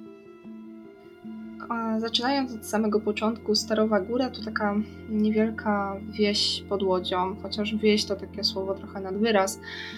To jest w zasadzie taka miejscowość, gdzie pełno jest domów jednorodzinnych, dość ładnych domów jednorodzinnych. Ceny działek tam nawet w tym momencie są dość wysokie. Jest to trochę takie miasto we wsi, położone blisko Łodzi, więc e, ma świetną lokalizację i jest po prostu atrakcyjne dla osób, które stawiają tam swoje domy, które budują się tam i prowadzą tam życie. Tak też tą miejscowość postrzega rodzina Bogdańskich, składająca się z Bożeny i Krzysztofa i dwójki ich dzieci, e, Małgorzaty i Jakuba, oraz mamy pana Krzysztofa, pani Danuty. To jest taka pięcioosobowa rodzina, która niczym za bardzo się nie wyróżnia i to raczej w pozytywnym tego słowa znaczeniu. Są spokojni, żyją na dość wysokim poziomie, sąsiedzi ich lubią, wydają się po prostu sympatyczni. Bogdańscy trzymają się też dość blisko z rodziną pani Bożeny, z jej e, rodzicami, z siostrą. To to naprawdę jest taka zwykła polska rodzina. Oni z niczym się za bardzo nie wyróżniają. No może tym, że żyją na dość wysokim poziomie, przez co e, wielu ludzi po prostu zazdrości, ale też ten poziom nie wykracza poza jakieś tam normy. Gdańscy mogli się pochwalić tym, że e, sami wybudowali sobie dom za swoje pieniądze w gotówce. To były też trochę takie czasy, to były e, lata 90 gdzie te ceny nieruchomości, ceny budowania się wyglądały zupełnie inaczej niż teraz, więc może i było trochę taniej, ale też ich po prostu było na to stać, żeby wybudować dom bez kredytów, mimo tego, że pani Bożena nie pracowała. E, Krzysztof Bogdański posiadał własną firmę, własną działalność, która zajmowała się sprzedażą komputerów i części komputerowych, ale też takiego wyposażenia mm, elektronicznego, drukarek, skanerów itd. I na początku lat 90., 2000 to był bardzo dochodowy biznes, bo wtedy komputeryzacja na świecie dopiero raczkowała.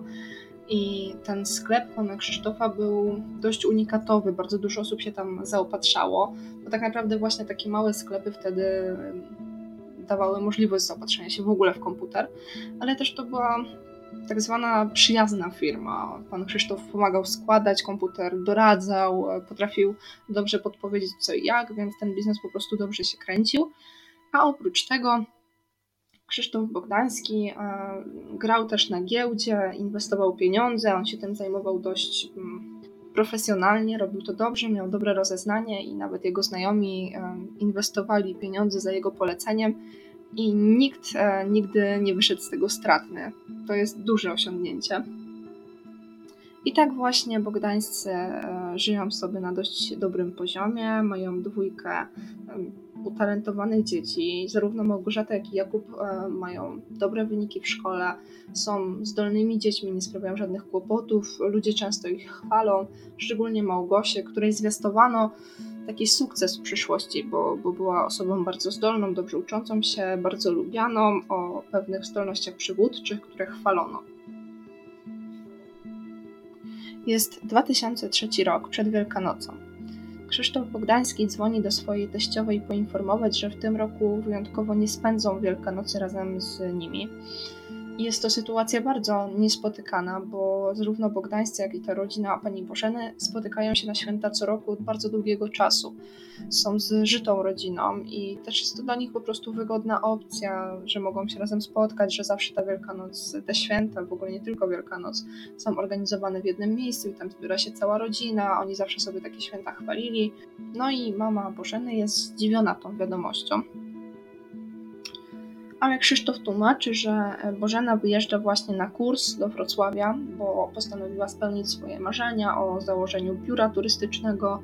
I akurat we Wrocławiu trafił się świetny kurs, który miał ją nauczyć, jak takim biurem zarządzać. I skorzystając z okazji, e, pani Bożena zabrała razem ze sobą dzieci, żeby zobaczyły Wrocław. A jak już będą we Wrocławiu, to pan Krzysztof do nich dojedzie i święta wielkanocne spędzą w Niemczech u swoich znajomych, bo Wrocław jest e, do, dość blisko granicy tej niemieckiej, więc postrzegają to jako świetną okazję, żeby znowu zobaczyć znajomych, pokazać dzieciom trochę świata, spędzić te święta w innym miejscu, odetchnąć od życia i po prostu odpocząć. Mama pani Bożeny nie jest zdziwiona tym, że wyjeżdżają. Jest jej bardzo przykro, że nie spędzą razem świąt, ale no nie ma innego wyjścia, jak po prostu zaakceptować tę wiadomość i pogodzić się z nią. No i tak właśnie te przygotowania do świąt mijają.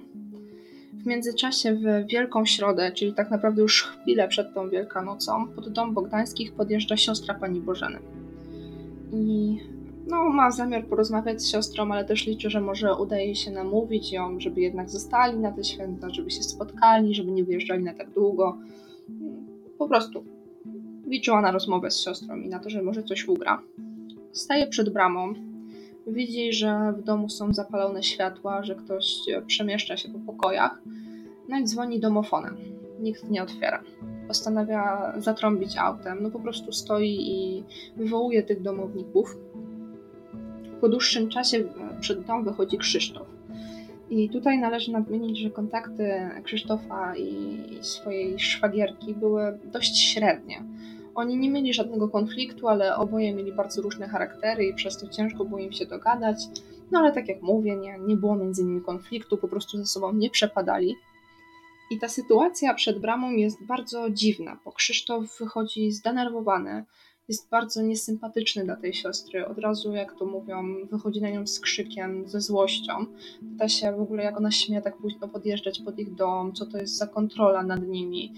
Ta siostra prosi, czy mógłby ją wpuścić, że chce pogadać, zobaczyć się z Bożeną, pożegnać się też przed tymi świętami, ale Krzysztof kategorycznie jej tego zabrania, mówi, że oni są bardzo zajęci, że w ogóle nie ma opcji, żeby ona się teraz zobaczyła z Bożeną, bo oni się szykują, że jest późno i oni też by już chcieli pójść spać, przygotowani i tak dalej, więc po prostu jej nie wpuszcza.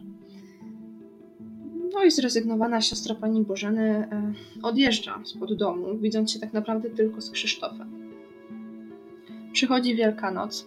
Mm, Święta w urodziny pani Bożeny przebiegają dość spokojnie. Jest to też dla nich trochę smutny czas, bo pierwszy raz spędzają te święta bez Bożeny, bez swoich e, no, wnuków czy siostrzeńców. Wiadomo jak to jest, to jest specyficzny czas, to jest okres świąteczny i liczą chociażby na telefon od Bożeny, albo od Małgosi, albo od Kuby, nawet od Krzysztofa, od kogokolwiek. Ale takiego telefonu nie dostają. Sami e, wielokrotnie dzwonią, piszą, ale nikt nie odbiera. Przez chwilę podejrzewają, że może po prostu są już w tych Niemczech i nie włączyli e, roamingu i dlatego nie da się z nimi skontaktować. Trochę się martwią, ale sam Krzysztof mówił, że, że ich nie będzie, że będą za granicą i że być może zostaną tam też na dłużej. No ale przychodzi maj, więc tak naprawdę mijają trzy tygodnie. Po rodzinie Bogdańskich nie ma śladu, nie ma z nimi kontaktu. Dzieci nie chodzą do szkoły, a rodzice wraz z babcią po prostu znikają. Rodzina pani Bożeny zaczyna się bardzo mocno niepokoić. Wielokrotnie jeżdżą pod dom o różnych porach dnia i nocy, żeby sprawdzić, czy po prostu ktoś w tym domu jest, czy się ktoś nie pojawia, czy ktoś nie podjedzie. Ale nie daje to żadnych skutków. Dom po prostu stoi pusty i, i nikt się pod nim, w nim nie pojawia. Na początku maja mm, siostra pani Bożeny postanawia zgłosić sprawę na policję. Uznaje bowiem, że nie widząc e, swojej siostry przez trzy tygodnie ma do tego podstawy i jest to już uznawane za zaginięcie, więc absolutnie świetny ruch z jej strony.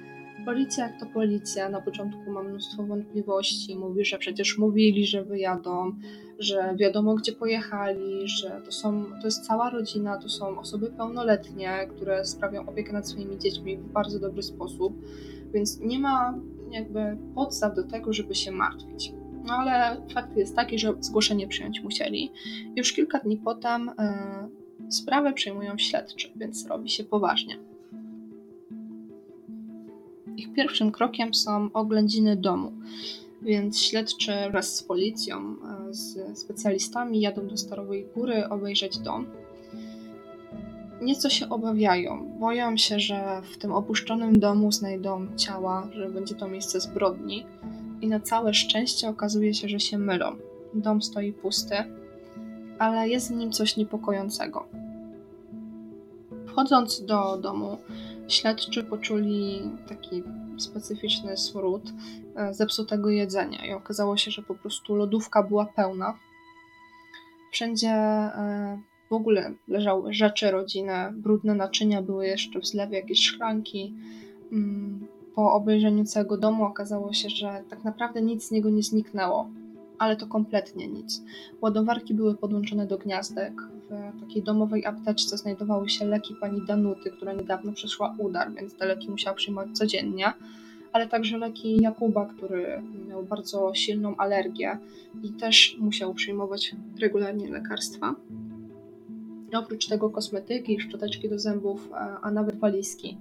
Tak naprawdę jedyne rzeczy, których tam nie było, to telefony i paszporty.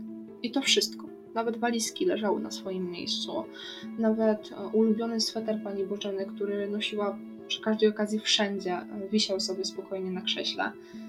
Ten dom wyglądał tak, jakby ktoś na chwilę wyszedł i miał zamiar wrócić w przeciągu kilku godzin, a nie tak, jakby ktoś planował długi wyjazd za granicę.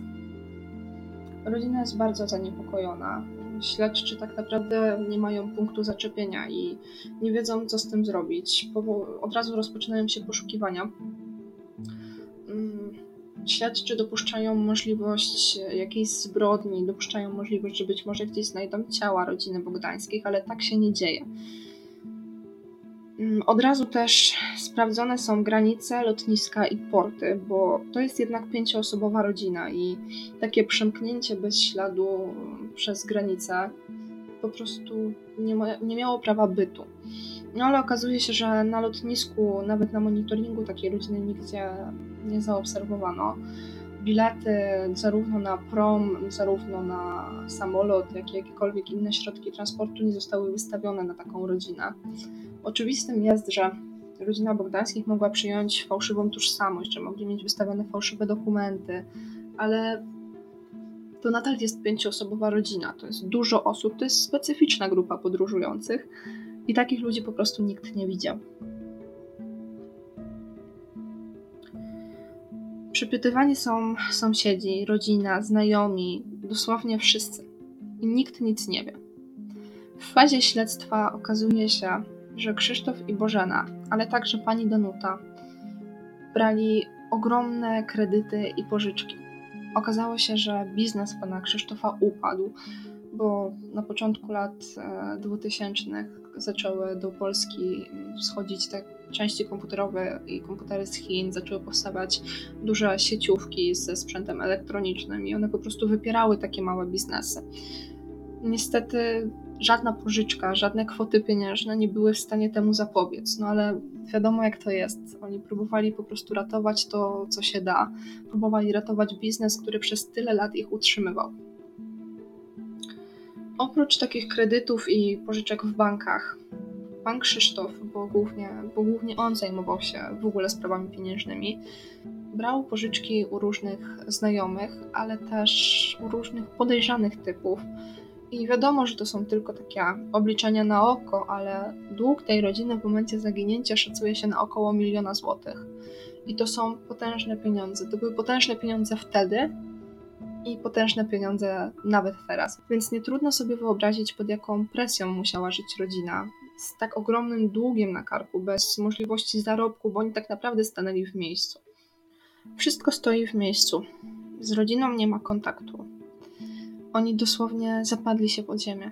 Nikt ich nie widział, nikt nie wie, gdzie są, nikt nie wie, jakie były ich prawdziwe plany.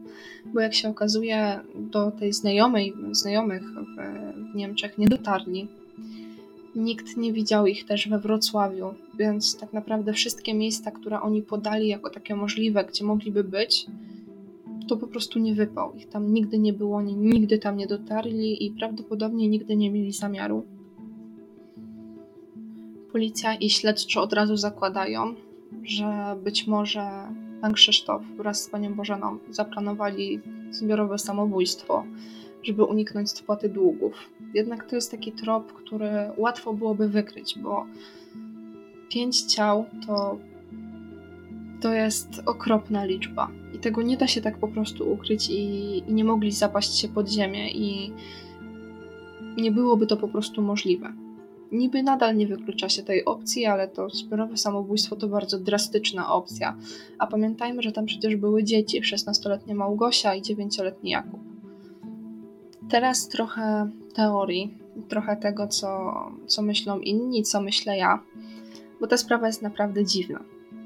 Przede wszystkim podejrzanym jest to, że jeszcze kilka dni przed Wielkanocą sąsiedzi, no i też siostra pani Bożeny, widziała Krzysztofa Bogdańskiego. Ale reszty rodziny, pani Bożeny, Małgosi, Jakuba czy pani Danuty, nikt nie widział. Więc to już wyglądało podejrzanie, że w tym domu tak naprawdę według e, różnych ludzi przybywał tylko pan Krzysztof. To jest bardzo dziwna sytuacja. No ale można zakładać, że, że byli w tym, że ta rodzina, ta pani Bożena z dziećmi byli we Wrocławiu. Wątpię w to, ale istnieje taka możliwość. Rzuca to też trochę taki cień podejrzeń na tego Krzysztofa. Dziwnym jest też ta sytuacja, że pan Krzysztof zajmował się finansami rodziny i on dbał o to, żeby było ich na wszystko stać, żeby mieli za co żyć. Pani Bożena przecież nie pracowała. I po doprowadzeniu do sytuacji, kiedy oni nie mieli żadnych środków do życia, i zarówno on, jak pani Bożena, jak i pani Danuta brali pożyczki niemożliwe do spłacenia. I tak naprawdę nigdzie ich nie inwestowali, bo tych inwestycji nie było widać. Ta firma po prostu upadała, tej firmy w pewnym momencie praktycznie nie było. Istnieje też taka bardzo niepokojąca teoria, że rodzina Bogdańskich wstąpiła do sekty i dlatego zaginęła. I ta teoria też nie wzięła się znikąd, bo brzmi ona dość abstrakcyjnie, ale ma ona jakieś swoje podłoże. Gdy sytuacja była już naprawdę zła finansowo, to Krzysztof Bogdański postanowił poprosić o pożyczkę swojego, mm, swojego wspólnika w interesach, pewnego znajomego. Mm, Ten znajomy był też mechanikiem, oni się bardzo dobrze znali, wielokrotnie razem prowadzili różne interesy, ale też po prostu byli przyjaciółmi. I on zgłosił się do niego po pożyczkę, proponując w zastaw swoje auto. To było takie nowsze Volvo. Jest to auto tej klasy premium, jeszcze to było auto z salonu, nowe. To było marzenie wielu, nie tylko facetów, to było po prostu marzenie wielu.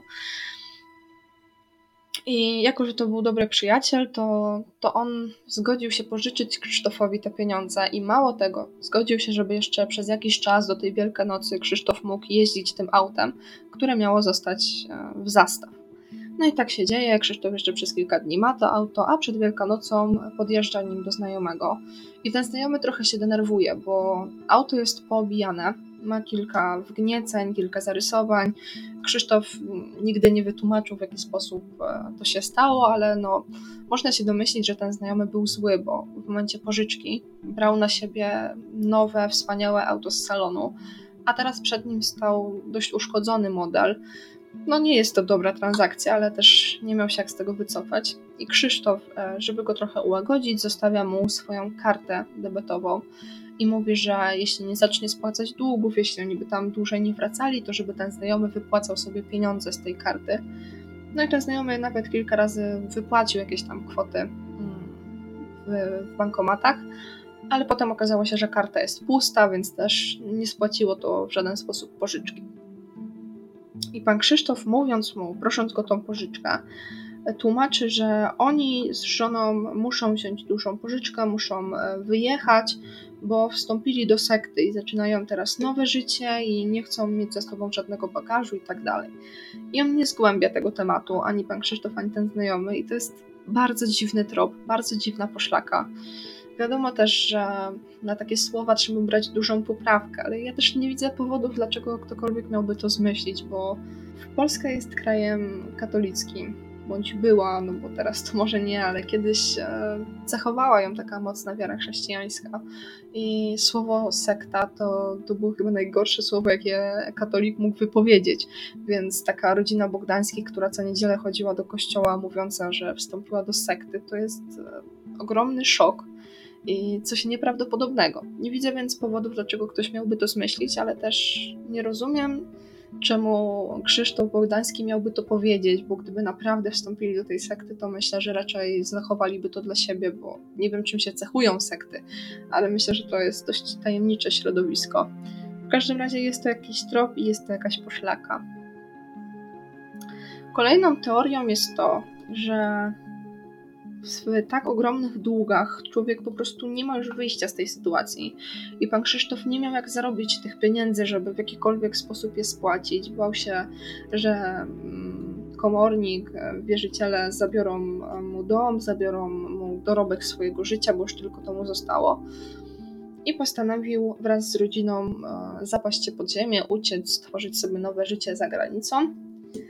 I niektórzy zakładają, że byli, rodzina Bogdańskich byłaby zdolna do tego, żeby przeprowadzić na swoich twarzach operacje plastyczne, kompletnie zmienić swój wygląd, kupić fałszywe dokumenty, wyjechać i zacząć swoje życie na nowo. To jest e, taka poszlaka dość filmowa, bym powiedziała, bo raczej w prawdziwym życiu nie słyszałam o takim przypadku, żeby komuś się to udało, co może świadczyć o pewnej skuteczności takiej metody, ale ja myślę, że przede wszystkim byłoby to strasznie skomplikowane, szczególnie w 2003 roku w Polsce i ja wiem, że robię z nas taki ciemnogród i, zacofanych ludzi, ale myślę, że wykonanie operacji plastycznej mm, pięciu osób i to na twarzy nie mogłaby obejść się bez echa w jakikolwiek sposób, w jakiejkolwiek klinice. W tej historii jest kilka niepokojących tropów, kilka niepokojących poszlak. Chociażby to, że rodzina pani Bożeny jest zaniepokojona tym, że nawet po tylu latach, bo mija przecież 19 lat od zaginięcia rodziny Bogdańskich, że nikt nie dał im znaku życia, że nie dostali żadnej nawet zaszyfrowanej wiadomości, że Małgosia, która teraz będzie miała 33 lata, nie dała im znaku życia, że Kuba nie dał im znaku życia, że nawet potajemnie nie dostali żadnego sygnału, że Bogdańscy nadal żyją. Rodzina pani Bożeny do tej pory zajmuje się domem w Starowej Górze. Tam cały czas ktoś jeździ, są myte okna, zmieniane zasłony, ogród też wygląda naprawdę dobrze. Oni wszystkim się tam zajmują tak, jakby ci Bogdańscy mieli za chwilę wrócić i na nowo tam zamieszkać i kontynuować swoje dawne życie. Ja nie wiem, czy istnieje taka możliwość i może mój wrodzony pesymizm każe mi w to wątpić, ale 19 lat to jest szmat czasu. Kto wie, może cała nadzieja w dzieciach, w Małgosi i w Kubie. Może kiedyś, kiedy założą już swoje rodziny, kiedy odetną się od rodziców, którzy są w tak ogromnych długach, może dadzą znać, że, że są, że żyją, że pamiętają. Nie wiem, naprawdę ciężko mi to stwierdzić, a ta historia jest mocno niepokojąca. Za każdym razem, jak przejeżdżam przez Starową Górę, jadąc do rodziców, myślę o tej sprawie i strasznie mnie to przeraża, że człowiek może po prostu zapaść się pod ziemię. Że pięcioosobowa rodzina, która wydaje się normalna, zwykła i, i przeciętna w dobrym tego słowa znaczeniu, może zniknąć bez śladu. Trzymajcie się bezpiecznie i pamiętajcie, że zło czai się wszędzie.